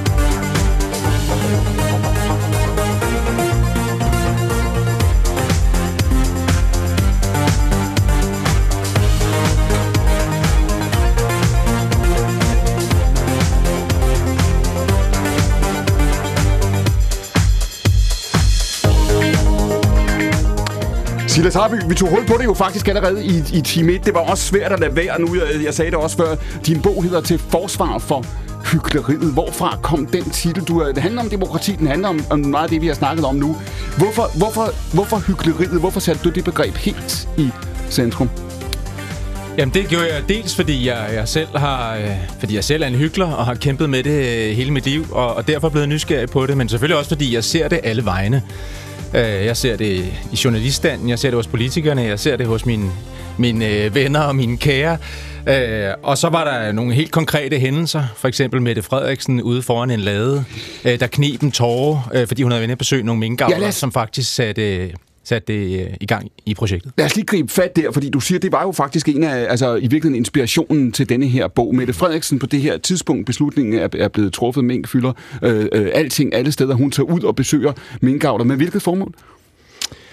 Ja, det må du nok spørge hende om, men øh, det, spørgsmålet er selvfølgelig, om det var med det formål, at hun efterfølgende kunne stå uden for den lade øh, og, og vise folk, at hun faktisk var berørt af, af deres historie. Det kunne også være, øh, fordi at hun faktisk var interesseret i at blive klogere på, øh, hvordan de var berørt, de her mennesker. Problemet er selvfølgelig, at, at, at det skete, måske skete lidt sent, og det skete på baggrund af en beslutning, som der ikke var lovhjemmel til. Men jeg konkluderer faktisk til sidst i bogen, at det, det er svært at anklage hende for hyggeleri i den her situation. Hvorfor? Jamen, det handler om, hvordan man definerer hyggeleri, og det, der, øh, og det er sådan en kortere del af bogen, men det er der mange, der misforstår. Øh, jeg mener for eksempel, mis, at politikken misforstår det, når de anklager Teresa Scavenius øh, for hyggeleri i forbindelse med hendes mange øh, flyrejser. Øh, jeg er sådan set uenig med hende, når hun siger, at øh, det ikke er så vigtigt for politikere at øh, vise lederskab og tage ansvar i forhold til også at løse problemerne, for det skal ske øh, mere systemisk. Men når hun siger det, så kan man ikke anklage hende for hyggeleri, når det er, hun i sit privatliv vælger at rejse, som hun gør. Og du siger i virkeligheden, der er en form for moraldimension i det her. Altså det, det du i virkeligheden peger på, er også den tendens, som vi har, nu du er kommet med flere eksempler her. Vi ser det, vi skal bare gå ud og, og, og tænde for Facebook, så kan vi se, du må ikke sige sådan, du må ikke mene det og det, hvis du gør sådan og sådan. Og der, der vil du gerne løse op lidt i virkeligheden, også for den skam eller skyld, eller den, sådan, den moralakse, der på en eller anden måde bliver aktiveret. Ikke? Ja, nu spurgte du, hvorfor jeg kaldte den til forsvar for hyggeleriet. Ja. Øh, det var egentlig også for at gøre det svært for mig selv. Det vil være nemt at skrive en bog, der handler om, hvorfor hyggeleri er forkert og et kæmpe problem. For det er jeg sådan set enig i, at det kan være. Øh, hyggeleri er ikke noget, vi skal, vi skal, øh, vi skal prøve at, at få mere af. Men når nu vi har så meget af det, så er det vigtigt at forstå, hvad er hyggeleri egentlig? Kan det, hvordan kan det forklares? Og hvordan kan det måske også i nogle tilfælde faktisk forsvares? Og i sidste ende, øh, og det er måske der, det bliver mest kontroversielt, kan det nogle gange være produktivt. Hvor er det det? Jamen, det kan det være, hvis man øh, faktisk øh, erkender, at man er en hyggelig. Øh, hvis man ikke forsøger at skjule det, hvis man ikke skruer ned for ens øh, ambitioner, ens idealer, for at være sikker på, at man kan leve op til dem. Øh, men på grund af den skam, den kan afstedkomme, faktisk forsøger at mindske det gab, der for de fleste af os ofte er mellem ideal og adfærd øh, og praksis. Og det er det, man kalder øh, lastens hyldest til døden. Den kan være produktiv. Lastens hyldest til døden. Ja, at vi sådan set hele tiden prøver at gøre det en lille smule bedre. Faren er jo, at vi enten ikke erkender, at vi er hyggelige, det er de fleste af os, ja. i en eller anden grad, eller at vi øh, forsøger at skjule det, eller som jeg siger, at vi, at vi skruer ned for vores ambitioner, og, og det vil være ærgerligt. Og du siger, der er et spil her, i virkeligheden var Messersmith inde på det, da han svarede på Musa Horaves spørgsmål i time 1. Du siger, mm. der er et spil her, altså der er også et spil, hvor, hvor både politiske modstandere og medier falder over politikere, der er ligesom en bestemt logik eller et bestemt spil omkring, nu har du gjort noget, du ikke måtte. Ja. Gotcha, kalder man det i, i USA, ikke? Vi har fået fat i dig, vi har fået, fået ram på dig, og du vil gerne ligesom altså, altså destabilisere eller opløse den det element lidt, ikke? Det er en del af det, som har fokus på... Der er noget her, der handler om politikere og, og meningsstander, og vi er alle sammen politiske væsener i en eller anden grad. Så er der noget, der handler om journaliststand og medier, og så er der noget, der handler om, om os alle sammen som borgere. Og der er også lavet en, øh, en survey-undersøgelse øh, i forbindelse med bogen, som jo også viser noget ret interessant om, hvordan vi alle sammen er hyggelige, men forestiller os, at det er alle de andre, der er meget mere hykleriske end os selv, og politikerne er, er seks gange så hykleriske som alle os, os andre. Spørgsmålet om, om det kan være rigtigt. Men når det handler om journaliststanden, jo, så mener jeg, et af problemerne er, at den er alt for personfixeret.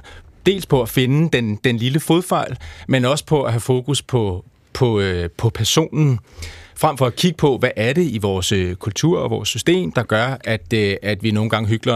Og jeg er sådan set enig med dig, Morten Messersmith, når du siger, eller stiller spørgsmålstegn ved, mm. hvorvidt der faktisk kan tale om hyggeleri, når der er, man siger et før et valg, og så bliver nødt til at gøre noget andet og, og redefinere sig selv og sin politik efter valget. Mm. Og hvis jeg lige skal udfordre dig, Harby, i virkeligheden øh, øh, mange af de her diskussioner, vi oplever jo, vi nu står vi og diskuterer det her i dag, vi oplever mange steder i de her år, så har vi de her diskussioner. Ikke nu diskuterede vi i time 1, øh, øh, partierne på Christiansborg, mm. du, du, du peger på medierne nu osv.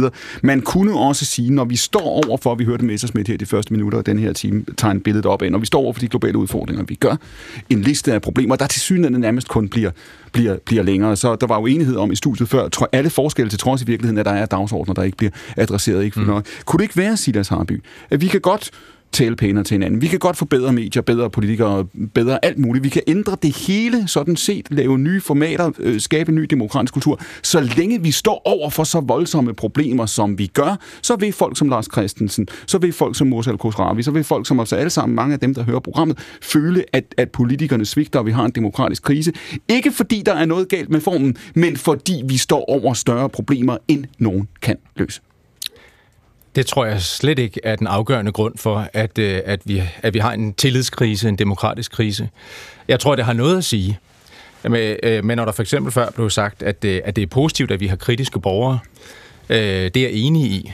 Men det er jo ikke positivt, det der, den udvikling, der ligger til grund for den kritik, der bliver rejst. Det synes jeg, vi skal holde fast i.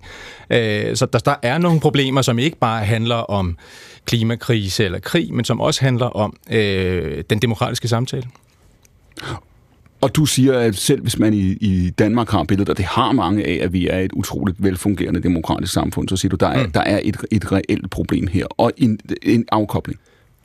Der er øh, nogle reelle problemer, det tror jeg, de fleste er os er enige om. Øh, men jeg mener også, man skal pege på, at der er nogle, øh, nogle øh, store potentialer fordi vi faktisk er så relativt velfungerende demokrati, så har vi nogle muligheder for, jeg mener faktisk også, at vi har et, en pligt og et ansvar for i højere grad at eksperimentere med, med nye måder at gøre tingene på. Du var inde på før, Messersmith, du sagde, at der var 14 opstillingsberettigede partier. 12 kom ind i, mm. i Folketinget ja, denne her gang, og nu kan man sige, nu har vi måske allerede vendet os lidt til en ny virkelighed, men det er en ny virkelighed, og der er ingen garanti for, at det øh, hverken den regering, vi har, eller, eller, eller kan man sige, de vaner, vi har været vant til, nødvendigvis. Det kan være, vi skal tilbage til enkeltmandskredse, så vi kan være 179, der er valgt i hver sin kreds for hver sit parti. Nogen vil sige, I er godt på vej. Ja, men det er da sikkert også rigtigt, fordi vi er jo i hele samfundet er jo, vil jeg tillade mig at sige, i en bevægelse i retning af sådan hyperindividualisme. Altså hvis, øh, hvis man ser også den, de debatter, der kører for eksempel på de sociale medier, øh, så er det jo sådan mere og mere ekokammer, hvor man sidder og bekræfter hinanden i, at øh, der er nogen, der er kæmpe idioter, og der er nogen, der nærmest er frelser og så videre. Altså det er, og nu karikerer jeg, fordi selvfølgelig er der også mange, der har et facetteret og reflekteret billede på samfundet, men der er flere og flere, hvor det er sådan kun lige én sag og en virkelighed og en udlægning selv af det vi andre måske betragter som noget Hvordan? faktuelt andet, som man tror på. Helt lavprættet, du nævnte du selv før, du sagde før, at vi kan godt blive, blive, blive ved med at tale om, hvordan tingene var for 10 år siden, men det er en anden virkelighed. Her nævner du også de sociale, de sociale ja. medier. Ja. Hvor optimistisk er du, Messersmith, øh, for at I også øh, i jeres arbejde, jeres kontakt til vælgere, lige det du siger nu, kan bruge øh, Facebook, Twitter osv. konstruktivt, kan bruge det, det til... Tror jeg, er meget svært. Jeg tror, at de sociale medier i bred forstand kommer til at gøre ubudelig skade på demokratiet. Øhm, altså, jeg har i hvert fald oplevet, siden jeg vendte tilbage fra Europaparlamentet en helt, helt anden mistro øh, til fakta, øh, end det, som var de 10 år før. Altså, jeg har siddet Folketinget i to perioder adskilt de der 10 år. Ikke? Altså, for eksempel oplevede jeg den her valgkamp uhyre mange, som kom hen til mig og sagde, at jeg var medlem af World Economic Forum, øh, som var... Det nej, tror nej, de også, jeg er. Ja, det er det. Ja. Lad mig lige, så kan vi måske... Men vil bare lige få forklare, altså, øh, og at jeg skulle stå på en eller anden liste, øh, og jeg derfor modtog diktat fra Bill Gates. Øh, nogen havde også noget med nogle aliens osv., og det er altså folk, som er... Og det kan du også pure afvise? Det, det kan jeg fuldstændig afvise, ja, det kan jeg. øhm, øh, det, der, det, der, der er kun en form for højere magter, jeg forholder mig til, og det er her om søndagen. Øhm, og, øh, men, men, men altså folk, som man, du ved, i normale sammenhæng vil sige, det er folk, man kunne omgås, og altså har måske fælles venner, og øh, har et arbejde. Altså det er ikke folk, der sådan er på kanten af samfundet, men fordi de kommer ind i de her grupper, øh, sikkert på Facebook eller andre steder, jamen så bliver de lullet ind i en virkelighed, som er fuldstændig forkert, øh, og hvor det virkelig tager lang tid at få dem rykket ud af det igen.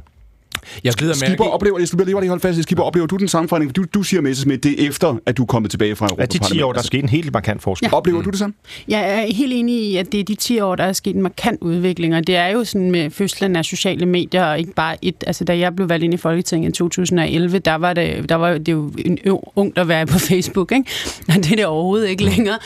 Og, og det er en rivende udvikling der. Jeg tror, jeg er ikke enig i øh, Mortens konklusion om. Jeg synes, at øh, sociale medier er en gave til demokratiet. Det er en gave, at vi kan få lov til at tale sammen på kryds og tværs, organisere os på kryds og tværs, uden at man selv skal ligesom stemle sammen på Christiansborg Slotsplads med et skilt, som man skulle i gamle dage for at demonstrere sit ønske og sin viden som, som borger.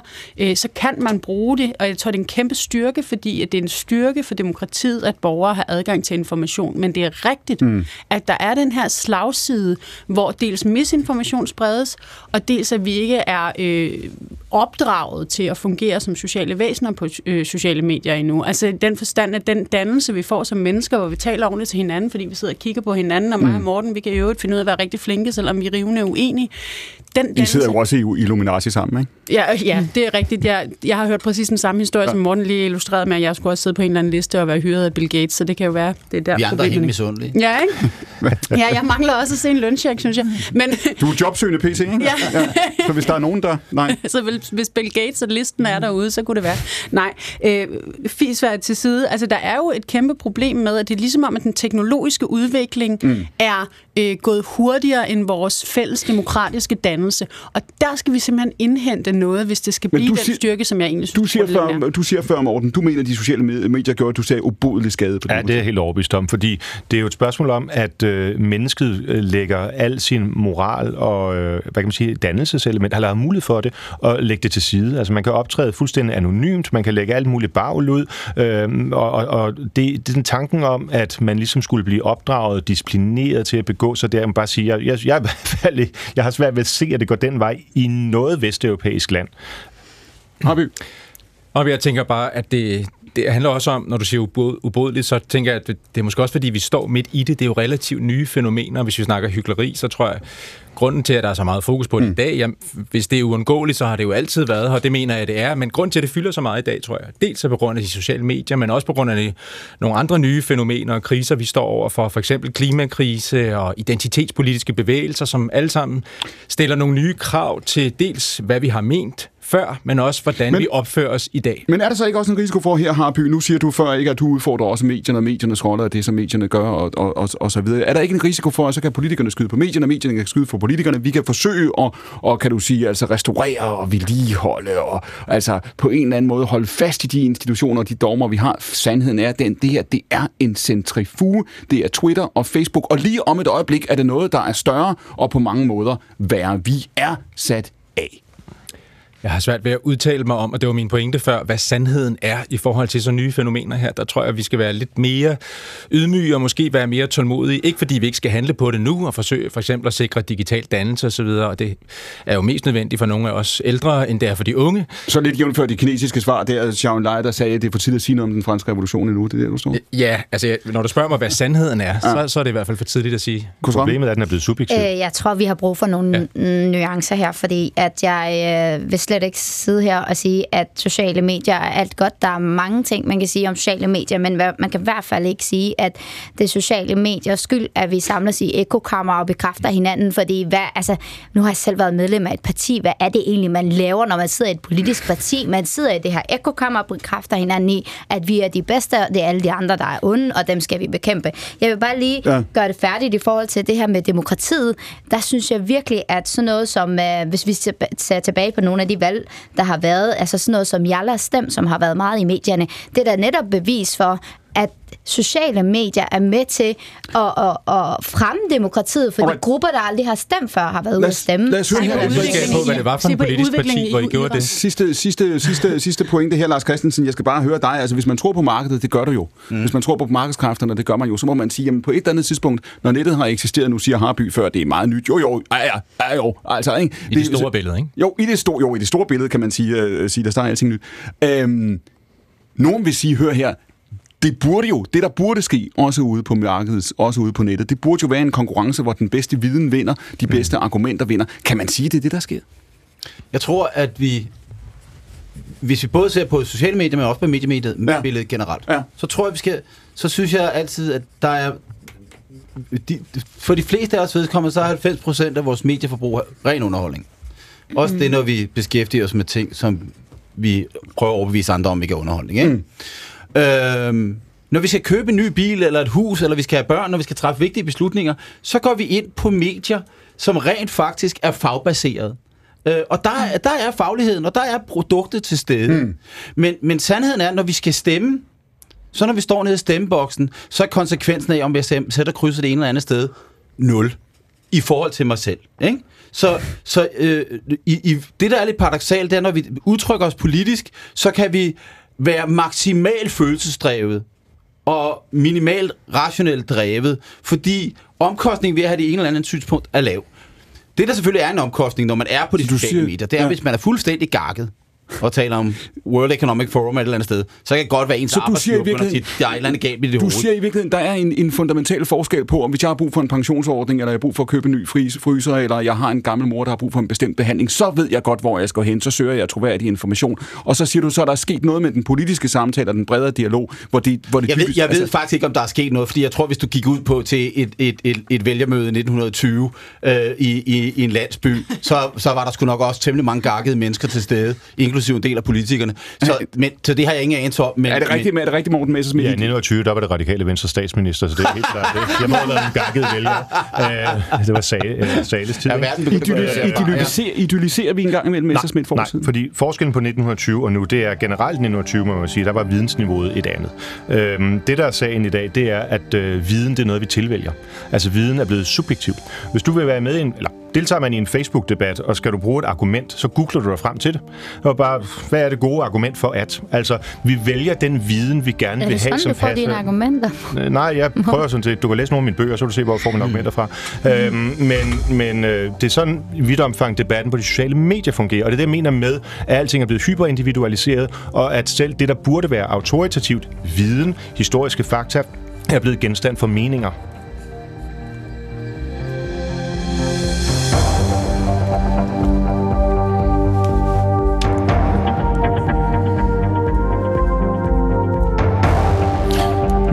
Mursal du blev øh, født i Afghanistan. Der boede du de første år af dit liv. Har udviklingen i Afghanistan det sidste halvandet år efter afghanernes tilbagetrækning, vores tilbagetrækning, har den overrasket dig? Jeg ved ikke, om vi kan sige udvikling eller afvikling. Jeg vil nok kalde det afvikling, men nej, det er noget, jeg ikke engang ville have øh, forudset. Altså, hvis jeg skulle trykke... Altså, det er selv i mit værste mareridt, vil jeg ikke kunne have forudset den situation. Øh, ja, vi er vidne til i dag. Hvis jeg havde spurgt dig for to år siden, hvad venter der Afghanistan? Hvad vil der ske den dag, amerikanerne de andre tager hjem? Hvad vil du så svare? Jeg vil have svaret, at situationen er ikke... Øh, det, det så ikke optimistisk ud for to år siden heller. Men, men jeg havde alligevel regnet med, at man havde trukket sig ud på en mere forsvarlig og ansvarlig måde efter 20 års krig. Og når du ser på landet nu og situationen nu, du siger, at du havde ikke forestillet dig, at det her, at det her, at det her ville ske. Hvor er landet, tror du, om, om fem år? Kommer der en modreaktion på de ting, Taliban gør? Kan der, er der mulighed for at rejse en politisk opposition? Eller er det her dybest set et spørgsmål om, at landet er ved at vende tilbage til den tilstand, det befandt sig i for 20 år siden? Jeg ved ikke, om jeg er optimist, men øh, et eller andet sted har jeg svært ved at tro, at det her det skulle være en permanent situation, der skulle være vedvarende, fordi det er ikke bare til skade for Afghaner og Afghanistan, men faktisk også resten af verden, når vi har en terrorred et sted i verden lige nu. Øh, men det jeg, jeg ved ikke, men jeg forestiller mig egentlig, at det er lidt en, en sovepille, vi er lige på, på lige nu, fordi at der er Ukraine, fordi USA har interesser andre steder, som er mere presserende, så har man trukket folk ud, og jeg ved ikke, om det også er fordi, at man blev jo ret upopulær med den 20 års krig. Øh, også inklusiv Danmark, fordi at man ligesom dag for dag kunne se selv blandt befolkningerne, var der ikke stor opbakning til at fortsætte den krig, fordi man tænkte, I har været der i 20 år, I, I har ikke leveret ret mange øh, brugbare resultater, og har brugt ret mange penge, og der har været så mange civile øh, og meget, øh, altså mange former for tab, som, som man ikke kunne retfærdiggøre. Gøre. Du siger, at du var overrasket over øh, det, der skete, den måde, der skete på. Det var der jo til synligheden, altså mange, der var også i det amerikanske øh, øh, forsvarsministerium. Man kan ikke forestille sig, at den exit, som afghanerne øh, oplevede amerikanerne tage på det tidspunkt i, i 2021, var planlagt. Til gengæld, når man spurgte præsident Biden, og man sagde, at det her prisen værd, går det som det skal, så sagde han dybest set, at vi har ikke noget valg. Han virkede ikke som en mand, der rystede på hånden. Han virkede ikke som en mand, der var i tvivl om, at det var det, var det rigtige at gøre. Jævnfør, hvad du lige sagde, Mursal, der var en træthed i Danmark, i USA, i stort set alle de øh, lande, der var derovre for det at sige, at de kunne ikke blive ved for evigt. Skulle man, skulle man være blevet, jeg havde sagt, uden udløbsdato? Jeg tror ikke det. Vi tager hele tiden spørgsmålet om, om man skulle være blevet, eller om man ikke skulle være blevet. Fordi mm. det er jo ikke det, det handler om. Det handler om, at når da man var der, og hvis man skulle være blevet, hvad skulle man så have gjort? Det, man har gjort i de sidste 20 år, har jo ikke virket, men jeg tror heller ikke oprigtigt på, at ind, altså, Formålet med de 20 år har været at bygge demokrati og fred, fordi man har støttet de forkerte øh, krigsherrer, og det har man gjort helt bevidst. Afghanerne har ikke følt, at de har haft muligheden for at skabe et demokrati, fordi at de har ment, at Vesten har støttet krigsherrer, som egentlig har været grundlaget for, at de endte der, hvor de endte Så i du første siger, omgang. du siger, ja, man skulle være blevet, men det skulle have været på en anden måde med andre mål for Ja, og mens man var der, skulle man have lavet nogle andre ting, end det man gjorde. Så det er også Skipper- det, det handler om. Isoleret set, beslutningen om at trække sig hjem fra Afghanistan og gøre en ende på det her, det bliver den længstvarende krig i USA's historie. Det er ikke, fordi de ikke har øh, prøvet en krig eller to. Beslutningen om at, at trække sig hjem, i hvert fald beslutningen om at sige, øhm, Afghanistan kan klare sig uden os, eller det bliver ikke, det bliver ikke, det bliver ikke vores, øh, vores hovedpine. Var den forkert? Øh, nej, og ja. altså, jeg, jeg er helt enig i, at øh, man, kunne ikke have, man kunne ikke blive ved med at være til stede i Afghanistan på den måde, som man var. Men det er jo også helt åbenlyst, at den måde, man så trak sig ud på, havde nogle helt enormt store konsekvenser. Jeg var overrasket over, og det, det kan jeg sige uden at ryste på hånden, fordi altså, min, øh, min politiske vækkelsesrejse, kan man sige, blev, blev startet dengang, at øh, invasionen af henholdsvis Irak og Afghanistan var en af de allerstørste diskussioner på global plan overhovedet, og jeg var stor modstander af de krige. Øhm, og, og det har jo vist sig nu, at det er rigtigt. Altså, at nu er de fleste endelig kommet dertil, at vi, vi, vi kan ikke bombe os til demokrati, har vi nu indset. Men hvad filer gør man så, når man har forsøgt på det i 20 år? Og der må man nok bare sige, at det er, jo, det er rigtigt at sige, at det, det rigtige spørgsmål at stille, det er ikke, skulle man have trukket sig ud eller ej? Det rigtige spørgsmål at stille sig, det var, hvordan, hvordan skulle man have Men isoleret set, øh, Pernille Skipper, når man siger, at der var ikke ret mange tusind amerikanske soldater tilbage i landet til sidst, der var en eller anden grad af ro. Man kan så diskutere, om det kun var, fordi Taliban vidste, at amerikanerne ville hjem. Det Taliban kan- stod jo tydeligvis og ventede. Skulle man være blevet? Man skulle i hvert fald trukket sig på en anden måde. Altså, det, det, er, jo helt, det er jo helt åbenlyst nu, at de øh, civile institutioner, øh, øh, de demokratiske institutioner, var jo ikke stærke nok. Altså, Taliban stod jo bare og ventede. Burde, burde I have set det også i enhedslisten, også i de diskussioner? Det, var også, altså det her var jo også på dagsordenen, da du var leder af partiet. Skulle I have sagt, hør her, vi kan godt tale om at få afsluttet det her, men vi, vi kan ikke, hvis, hvis, hvis I havde vidst, hvad I ved nu om konsekvenserne af amerikanske tilbagetrækning, havde I så sagt, hør, vi er nødt til at blive i en eller anden form? Øh, Det ved jeg, nej, det havde vi ikke. Altså, jeg tror heller min konklusion, er heller ikke, at man er nødt til at blive. Altså, mm. enhedslisten og jeg selv har i 20 år råbt på, at man aldrig skulle være gået ind, og man skulle ud.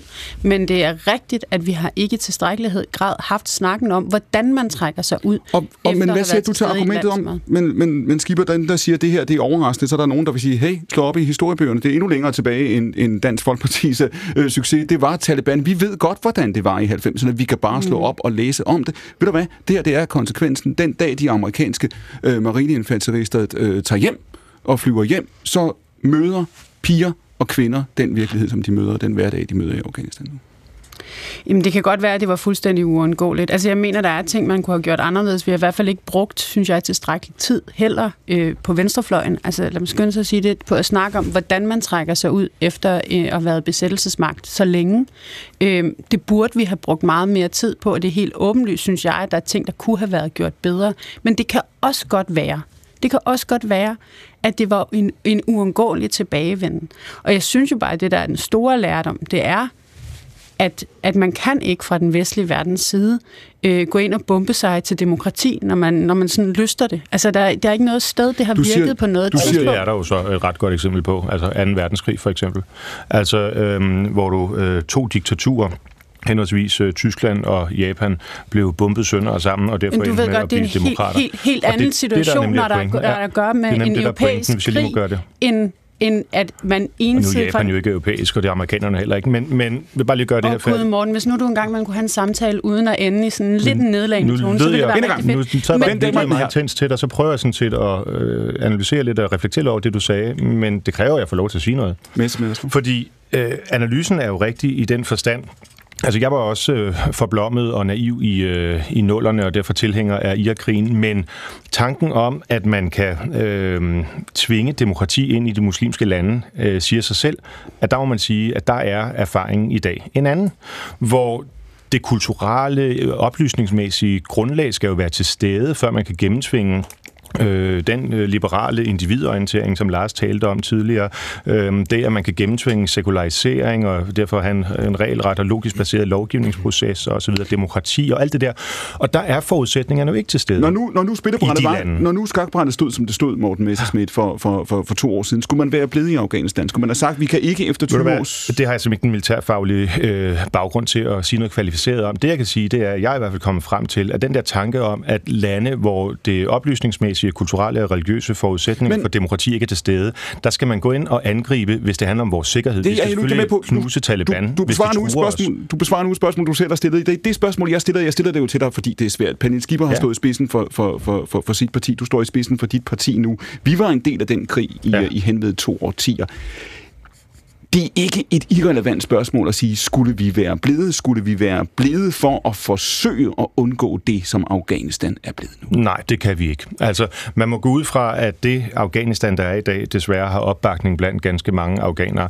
Vi skal kun gå i krig, når det handler om at sikre vores eller vores allierede sikkerhed. Derfor øh, vil jeg sige, retrospektivt, det var en fejl at gå ind i Irak. Fordi der troede man på, at man kunne få irakerne til at blive demokrater. Det kan man jo tydeligvis Men du, siger ikke, du er ikke klar til at drage konklusionen og sige, at vi skulle være blevet. Men jeg synes ikke, det var en fejl at gå ind i Afghanistan, fordi der handlede det jo rent faktisk om at få terrorister, der troede den vestlige verden fjernet. At der må jeg, det, det skuffer mig så meget, ja. at Morten Messersmith, der har siddet og brugt mange minutter lige før på at snakke om, hvordan sociale me- medier ødelægger folk, der ikke udtaler sig på baggrund af viden og ikke eller udtaler sig kvalificeret og oplyst, sidder her og siger, der er opbakning blandt afghanere for det Taliban, der er. Sidder her og siger, at øh, fordi det er et muslimsk land, kan det ikke være hvis Morten Messerschmidt, som er så stor tilhænger af historie, havde læst lidt på den historie om Afghanistan, ville han vide, at der var et ret velfungerende samfund, der fungerede delvis demokratisk i 60'erne og 70'erne i Afghanistan, og da, det var uden vores indblanding, Måske var det netop, fordi vi ikke var indblandet fra Vesten og ikke støttede de forskellige øh, terrorgrupper for Alright, at køre en kold krig mod, mod Rusland. Messerschmidt, kort svar. Så, Jo, jo, men der er da, altså eksempel, Tyrkiet er jo også delvis demokrati, så det er jo ikke, fordi man ikke kan have demokrati, delvise demokratier i den muslimske verden, men man må bare sige, at der er nogle helt grundlæggende kulturelle ting, der gør sig gældende i forhold til den styreform, vi kalder demokrati, altså blandt andet det sekulære princip, at man ikke mener religion for eksempel. og Men tanken om. Messerschmidt, tanken om at sige, du siger, at Irakkrigen var en fejl, den fortryder du selv, at du, du, du bakkede op bag. Ja. Tanken om, kan man sige, at vi kan lukke døren. Altså tanken om, at man kan sige, nu nulstiller vi historien, hvad der foregår i Irak, hvad der foregår i Afghanistan. Det er ikke længere vores ansvar. Det når ikke. Kan man, kan man gøre det? Er det muligt? Nej, det er det jo ikke, fordi verden er jo blevet ekstremt øh, kompleks, og øh, der, hvis der falder en fjer i Kabul, jamen så kan det pludselig føre til en bombe i, øh, i, i Skipper, Paris. værsgo. Jamen, jeg synes også, at det er for simpelt at tale om, at det her det er et spørgsmål om, at man ikke kan bombe sig demokra- til demokrati, fordi der er tale om muslimske lande. Altså, det er jo karikeret det, som, som Morten sidder her og siger. Jeg synes, det der er lærdommen, det er jo, at præcis som Morsal også siger, at der har været demokratier i Mellemøsten også, som øh, Iran er også et eksempel på et samfund, som var sekulariseret, som bliver Og ikke over ligefrem demokratisk under shahen. og som Altså- bliver overtaget af et præstestyre, men hvor vi nu ser en helt anden form for folkeligt oprør. Og jeg tror, at det, der er vanvittigt vigtigt, det er, at man ikke tror, man skal stille sig til dommer over hverken kulturelle eller, eller i øvrigt Men- andre form for folkelige bevægelser. sagde- Man er rent faktisk er bag de demokratiske bevægelser, der så nu engang er små, som de må være. Efter den her exit for halvandet år siden, kan man sige, så har Afghanistan ikke fyldt meget i overskrifterne her, øh, øh, heller øh, øh, af åbenlys oversagerskib. Og nu siger du før, I forsømte også i, i enhedslisten og på venstrefløjen at diskutere tilbagetrækning. Jamen, hvordan og hvad så? Altså, hvad mener du? Hvad, så hvordan gør vi det bedre? Mm-hmm.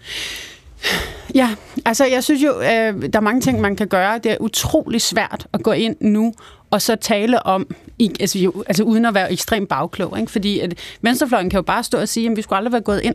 Og det skulle vi ikke. Det er jo der, den store fejl ligger. Har jeg så løsningen på, hvordan man skulle have, været, skulle have trukket sig ud på en bedre måde? Det er jeg ikke sikker på, at jeg nødvendigvis har, fordi det vil aldrig have endt rigtig godt. Man skulle simpelthen bare aldrig have været gået ind. Harby? Jamen, jeg forstår godt den, den ydmyghed og den tvivl, som jeg hører øh, øh, flere steder her, fordi det er super svært. Øh, sådan et udviklingspolitisk spørgsmål. Hvad fungerer, hvornår og hvordan? Men hvis man gerne som, som, øh, som politiker, nu taler jeg ikke til jer, der her, men, men i det hele taget undgå politisk hykleri, så tror jeg, at det man i hvert fald kan sige, øh, virker, det er at give akut humanitær nødhjælp til dem, øh, som er de svageste i, i sådan nogle situationer her lige nu. Og det, der akut er problemet her, ikke mindst de seneste dage med den udvikling, der har været, det er jo, at, at kvinder simpelthen ikke får lov til at arbejde med nogle af de her helt centrale øh, problemstillinger. Og hvordan forholder vi os til det? Det er et dilemma, fordi på den ene side er vi jo nogen, der, der vælger at blive, fordi det er nødvendigt med hjælp, mm. og på den anden side er der nogle helt sådan grundlæggende menneskerettighedsproblemstillinger, som man selvfølgelig også skal tage alvorligt. Musa, jeg, jeg startede med, jeg, nej, jeg skal lige holde fast her, Musa. Jeg startede med at spørge dig. Du siger, du er, du er, du er overrasket over det, der er sket de sidste halvandet år. Du havde ikke din vildeste fantasi, at din værste mareridt forestillede sig, at det ville gå, som det, som det, som det går nu. Risikerer det her at blive en hovedpine for Vesten? Øh, det tror jeg i den grad, det gør. Også fordi, at det kommer til jeg tror ikke, jeg køber ikke præmissen om, at vi gik ind i Afghanistan for at oprette demokrati, fordi der er intet af det, man har gjort i de 20 år, måske 2 procent, men ud over det, som tyder på, at man faktisk ærligt har forsøgt at, at oprette et demokrati. Jeg tror, det i højere grad har handlet om geopolitik. Det har handlet om ting, som er meget større end bare det at have demokrati i Afghanistan. For hvis man var interesseret i demokrati og kvinderettigheder i Afghanistan, ville man faktisk ikke være tilskuer og give det så lidt omtale Og når, og når, man, dag. forestiller sig, og når man forestiller sig nu, Kusravi, hvis man forestiller sig i, i nogle vestlige parlamenter og vestlige regeringskontorer, man siger, øh, nu er vi i hvert fald ude, og nu, nu er det ikke længere vores, øh, vores dagsorden, nu er det ikke længere noget, der, der, der risikerer at have konsekvenser for os. Hvad så? Hvis man forestiller, det tror jeg, det har jeg svært ved at forestille mig, man fordi man må vide en ting, jeg synes, det er meget interessant at lave analyser på baggrund af viden på den måde. Hvordan har Taliban overlevet i så stærkt et omfang i løbet af 20 år med vestlige indsats i Afghanistan? Hvor får de midler fra, og hvordan klarer de sig lige nu uden penge? Hvor kommer deres økonomi fra, synes jeg er ret vigtigt. Og der synes jeg egentlig, at så bliver det vestens hovedpine, hvis man kigger på, at Kina er indblandet, hvis Rusland er indblandet, så bliver det også vestens problem, fordi det har været en del af en hvad skal man sige, underliggende kold krig. Så derfor, så igen, det kommer op på geopolitisk plan. Man kan ikke ignorere Afghanistan. Det tror jeg ikke på. Vi siger Mursal Kosrabe. Klokken er 15.36. Dette er P1 nye søndagsvis. Fra klokken 14 til klokken 16, så diskuterer vi præcis, hvad vi gør nu. Alt det, der forandrer sig, og alt det, der forbliver det samme. Mit navn er Clement Castro.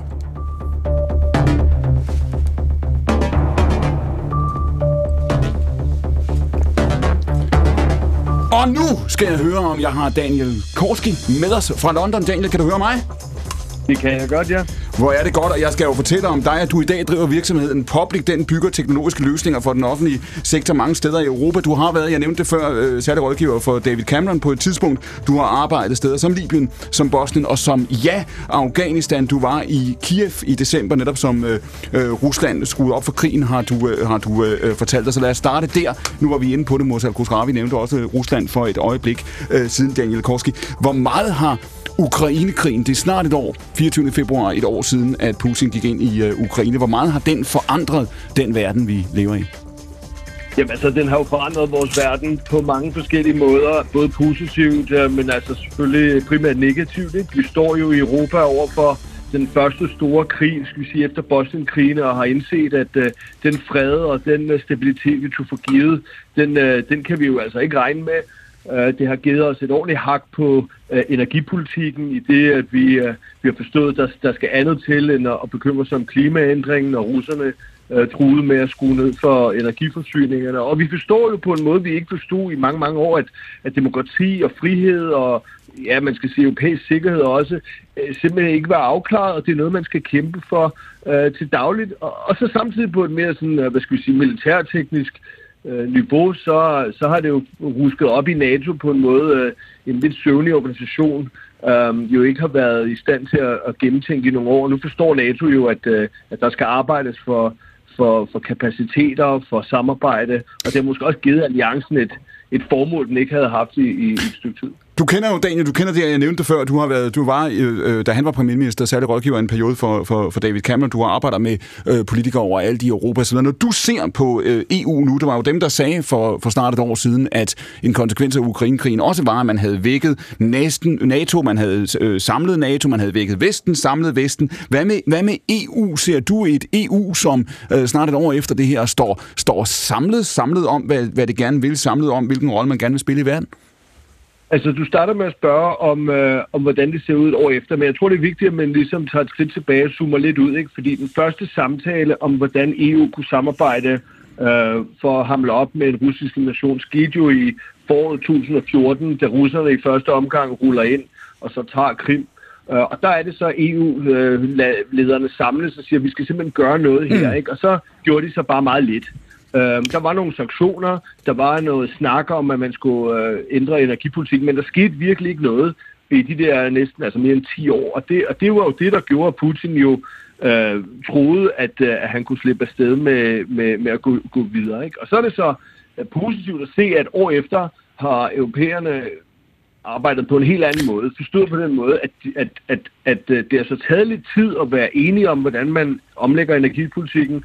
Øhm, det har taget lidt tid at snakke om at give øh, støtte til ukrainerne, og der er stadig enorme vanskeligheder og uenigheder, i særdeleshed mellem Tyskland og så Frankrig og England på den anden side, og Danmark og Norge og andre, øh, måske mere krakilske NATO-medlemmer.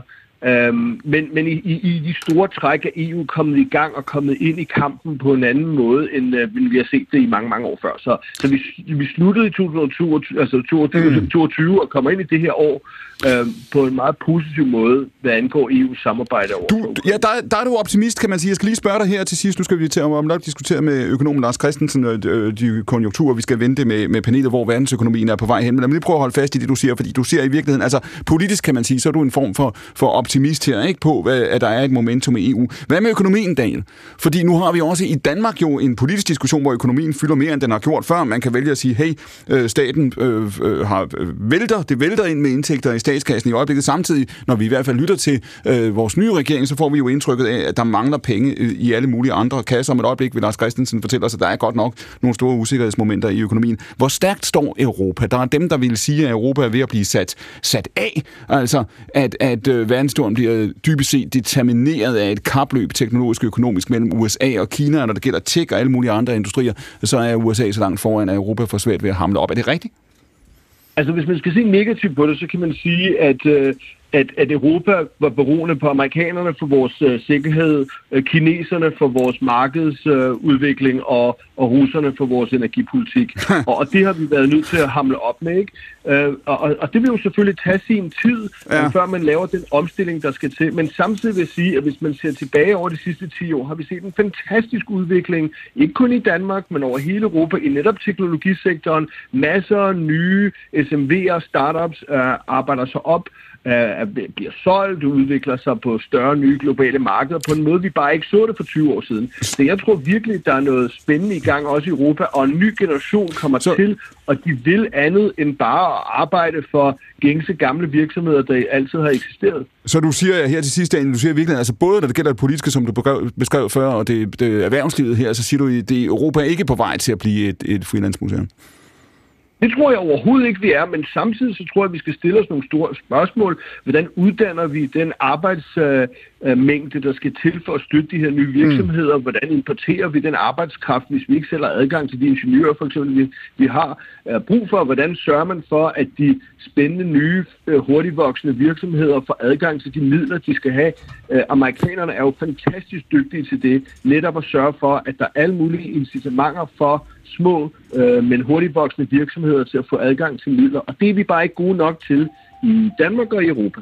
Alright, Daniel Korski, tusind tak for det. Og Lars Christensen, jeg sender den straks videre øh, til dig. Det er jo altså Daniel Korski her. Han har rådgivet europæiske regering. Han arbejder i virkeligheden stadigvæk med stater og på det her tech-spørgsmål. Han er relativt optimistisk i forhold til Europa. Er du også det? Og det er sgu et svært spørgsmål. Jeg, jeg, jeg, vil sige, 2022 har jo øh, været optimistisk på den måde, at der var et meget større fodslag øh, i EU i forhold til Ukraine-spørgsmålet, end man kunne have frygtet. Mm.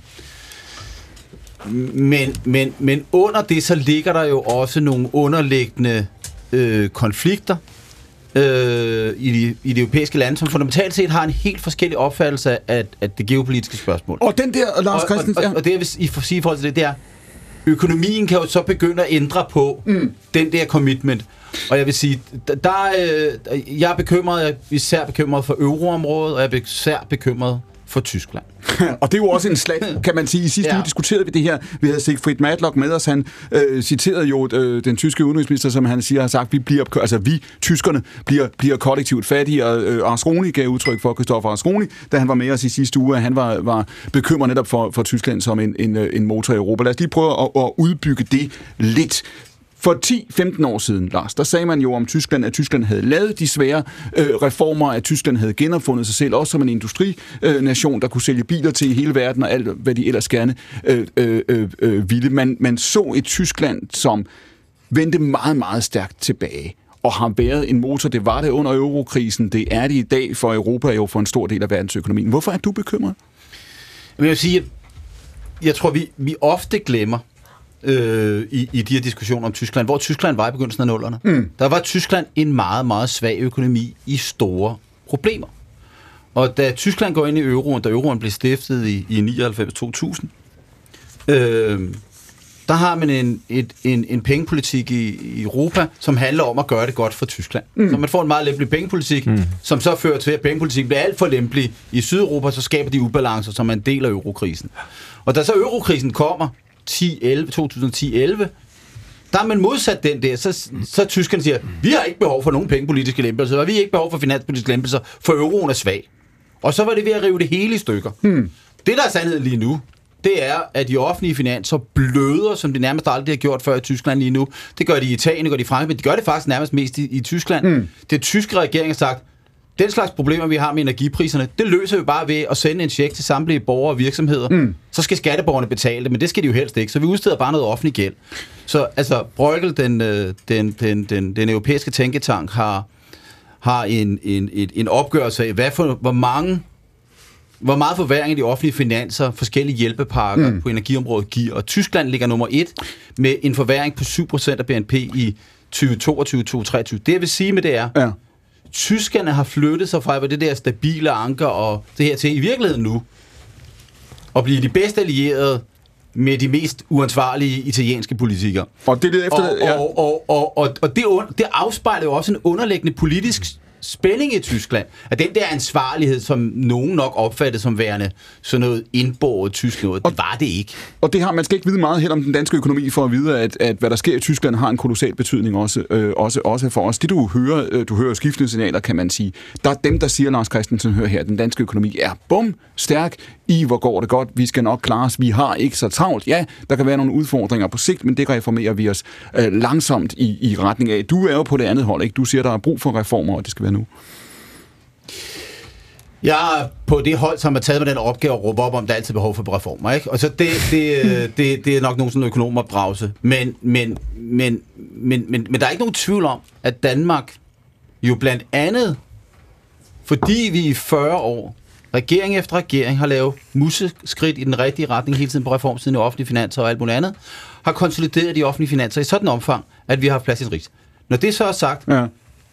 Så kan jeg godt høre, når jeg hører politikerne tale om offentlige finanser, der bliver blandet rimelig meget rundt i begreberne, og hvor mange penge der er, hvor mange penge og du der siger, ikke er. Du siger jo i virkeligheden, altså nu er stor bededag, det er det, vi diskuterer, fordi det er det, der er det konkrete udspil, det fylder herhjemme. Du griner ja. allerede. Du ja, siger, jeg det... synes, jeg, ja. Men jeg, jeg, jeg, Stor Bede, jeg synes, Stor Bede er en fantastisk historie. Jeg personligt mener ikke, at der burde være nogen lovgivning om det, men det er sådan set ligegyldigt.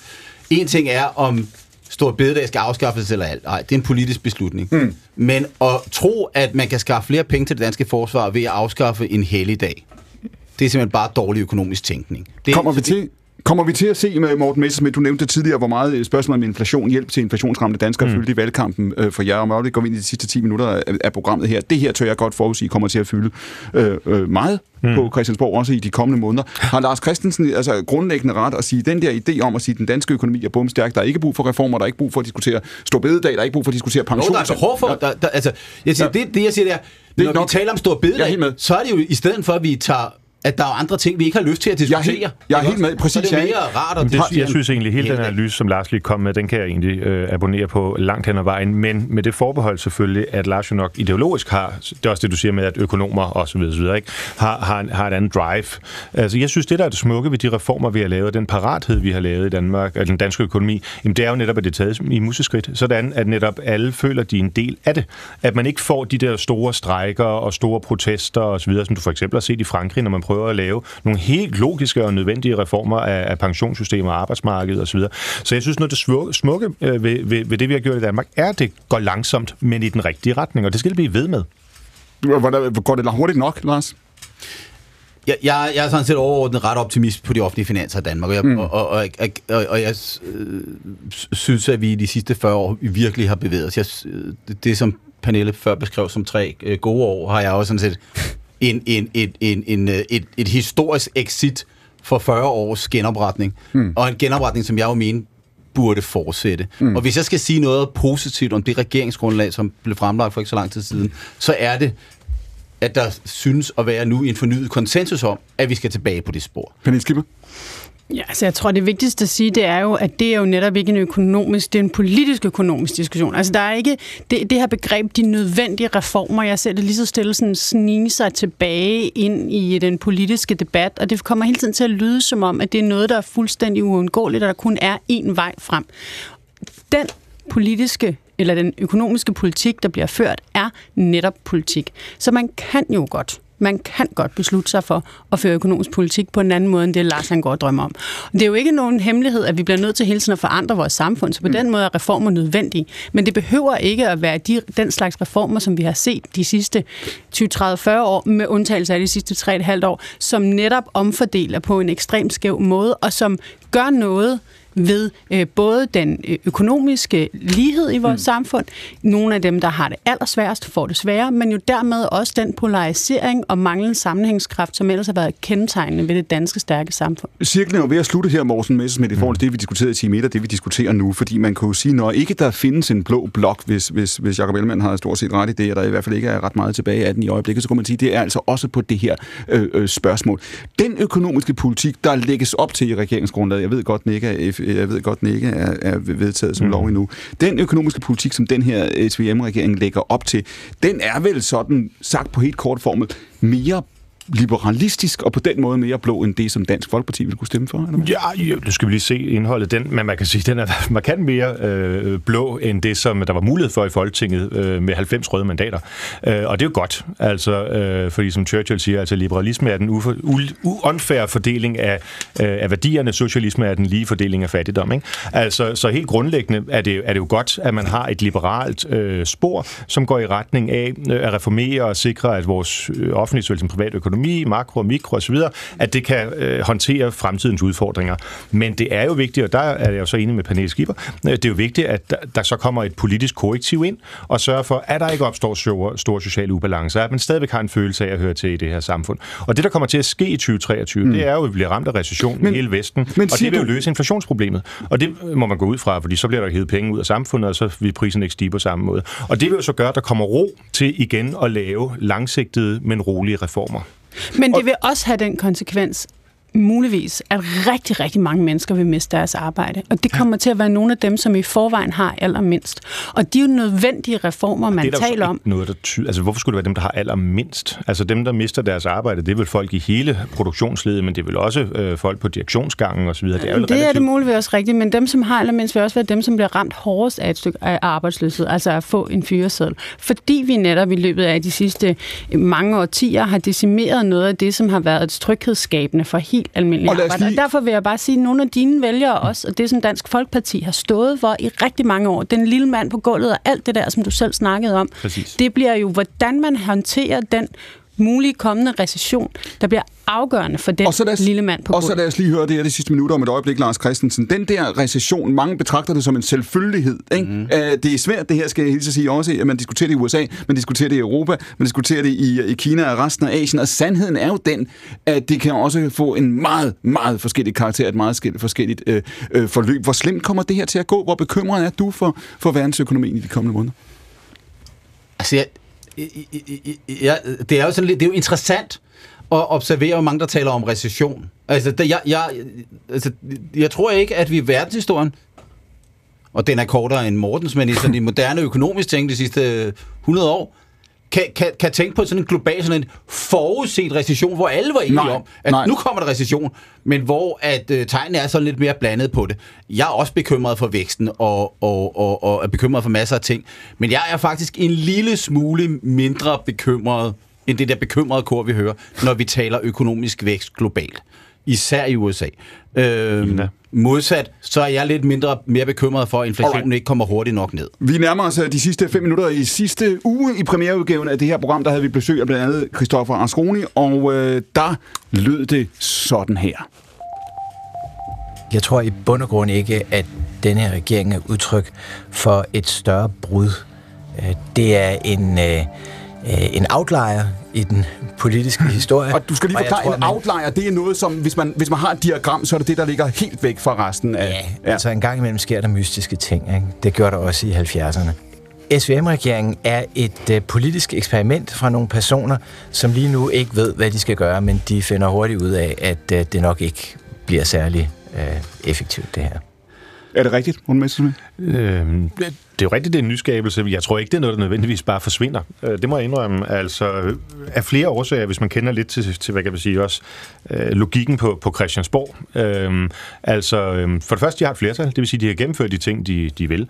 For det andet, de har nok en selvforståelse af, at mange af de reformer, de vil sætte i søen, jamen, de vil virke på sigt, og vælgerne vil så vende tilbage. Hvis Så de du siger, du siger altså, hvis Asroni tror, at det her det er noget, der forsvinder af, sig selv, det, det er du Nej, ikke over. altså, nej, det er klart, at vælgerne får muligheden inden for fire år, men derudover tror jeg ikke, det bare går væk af sig selv. Øh, Silas Harby, når du ser denne her regering, som jo går ud, apropos øh, øh, din hyggeleri-diskussion, din, din bog til forsvar for hyggeri, det er jo en regering, der har sagt, at vi har brug for nogle andre spilleregler. Vi har brug for at ændre en masse af de her logikker. Vi siger det, vi siger det åbent sådan set. Vi ved godt, at det ikke bliver let. Ser, ser du det som et, et svar i virkeligheden også på nogle af de kritikpunkter, du rejser? Er SVM-regeringen det? Øh, nu er jeg stadig så meget forsker og så lidt Twitter, at jeg helst ikke udtaler mig om ting, jeg ikke har forstand på. Og jeg synes, den her nye regering er, er, er det svært at, at give nogle klare analyser af endnu. Hvad, hvilke, Er det ikke bare det samme som at sige, at du ikke ved det? hvilke problemer... Jo, jo, det er det, jeg siger. Der, der er ikke nogen, der ved det. Øh, men hvis vi alligevel skal gisne, og det er det, vi gør her, Ja. øh, så vil jeg sige, at øh, jeg tror, de sådan pragmatisk vil kunne løse nogle af de problemer, vi står overfor. Men jeg tror ikke, vi skal regne med den store innovation, og måske heller de store visioner. Øh, der tror jeg, det er vigtigt, at man stadig øh, kigger til, til fløjene og, og ud i øh, civilsamfundet. Lars Christensen, du er økonom nu, ophøjer dig lige til politisk analytiker også. Det er ikke en beskyttet titel. Nej, det, men det, Er det en, er det en levedygtig regering, det her?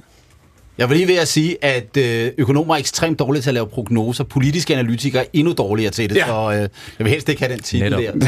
Jeg har, jeg, har, jeg har sgu heller ingen anelse. Øh, altså, men, men er det økonomien, der i høj grad kommer til at afgøre det, tror jeg, det er det, der er sagen. Fordi er der nogen... Er der- Kan, kan, fordi hvis, hvis, hvis, hvis nu det kommer det scenarie, at Ja.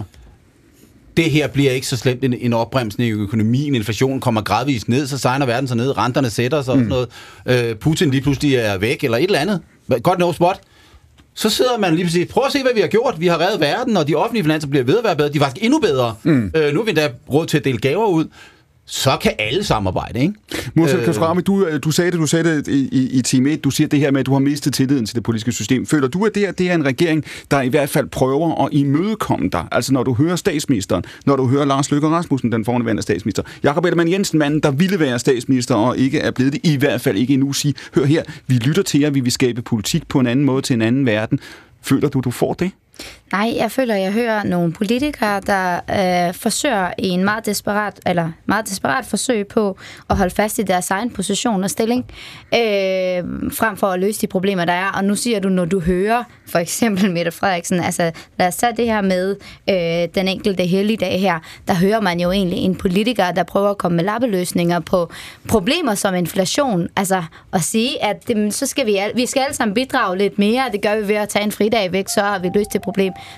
Nej, Hun har aldrig sagt, at det vil ændre inflationen. Altså, det er slet ikke nej, den men det var argumentet for, at øh, vi skulle bidrage Kommer du, til, kommer, du, kommer du statsministeren til forsvar med et Nej, jeg synes bare, nu har vi siddet to øh, timer og snakket om, at vi skal tale ordentligt og fakta og sådan nogle ting, så skal man måske også bare citere sin politiske modstander rigtigt. Pernille Skipper, vi ved, hvad du tænker om regeringen. Er den levedygtig? Er den stabil? Kan den holde? Det, det ved jeg ikke, om den kan. Men jeg vil sige, jeg tror ikke på, at vi at de bare kan vende tilbage til næste valg til de respektive blokke. Altså, jeg forest- forestil jer, at Mette Frederiksen kom tilbage til SF og Enhedslisten og Alternativet om tre og halvt år og sige, hvad så venner? Har I ikke lyst til at pege på mig? Det tror jeg ikke kommer til at ske. Man ser nogle mærkelige ægteskaber i det politiske liv, ikke? Så det kan vel godt ske. Regnbuefamilier. Er det, er det rigtigt, Pernille Skipper, eller vil det være sådan, at øh, i det sekund, at, at omstændighederne er nogle andre, så bliver logikken nogle andre, så glemmer man fortiden? Det ved jeg, jeg har godt nok svært ved at tro på, at det bare kan vende tilbage til normalen, det her. Nej, men, men hvor det så ender, det ved jeg ikke. tilbyder SF nogle ministerposter i en ny rød regering og siger, at nu kan enhedslisten få et eller andet andet, så kommer de der hjem. Altså, sådan er det. Hvad siger du, Skipper? Er det rigtigt? Men det, det gider jeg ikke have en diskussion med Morten Messersmith om. Det tror jeg ikke på. Nej. Du gider slet ikke have en diskussion med mig, lade det til. Alright! De har i hvert fald haft siden klokken 14. Nu er klokken om et øjeblik 16. Og det her er jo, hvis nogen skulle være i tvivl, den nye søndagsavis på P1 direkte hver søndag eftermiddag fra 14 til 16. Det var, jeg tror, Morten Messersmith og Pernille Skipper, der fik det sidste ord. De har siddet her i dag sammen med økonomen Lars Christensen og sammen med Morsal Khosravi, som er nyuddannet og jobsyn i øvrigt. Er det rigtigt? ja. Stadig kan Skien Pol med i studiet var også Silas Harby, forfatter til bogen til Forsvar for Hykleriet. Nu er der radioavis klokken er 4.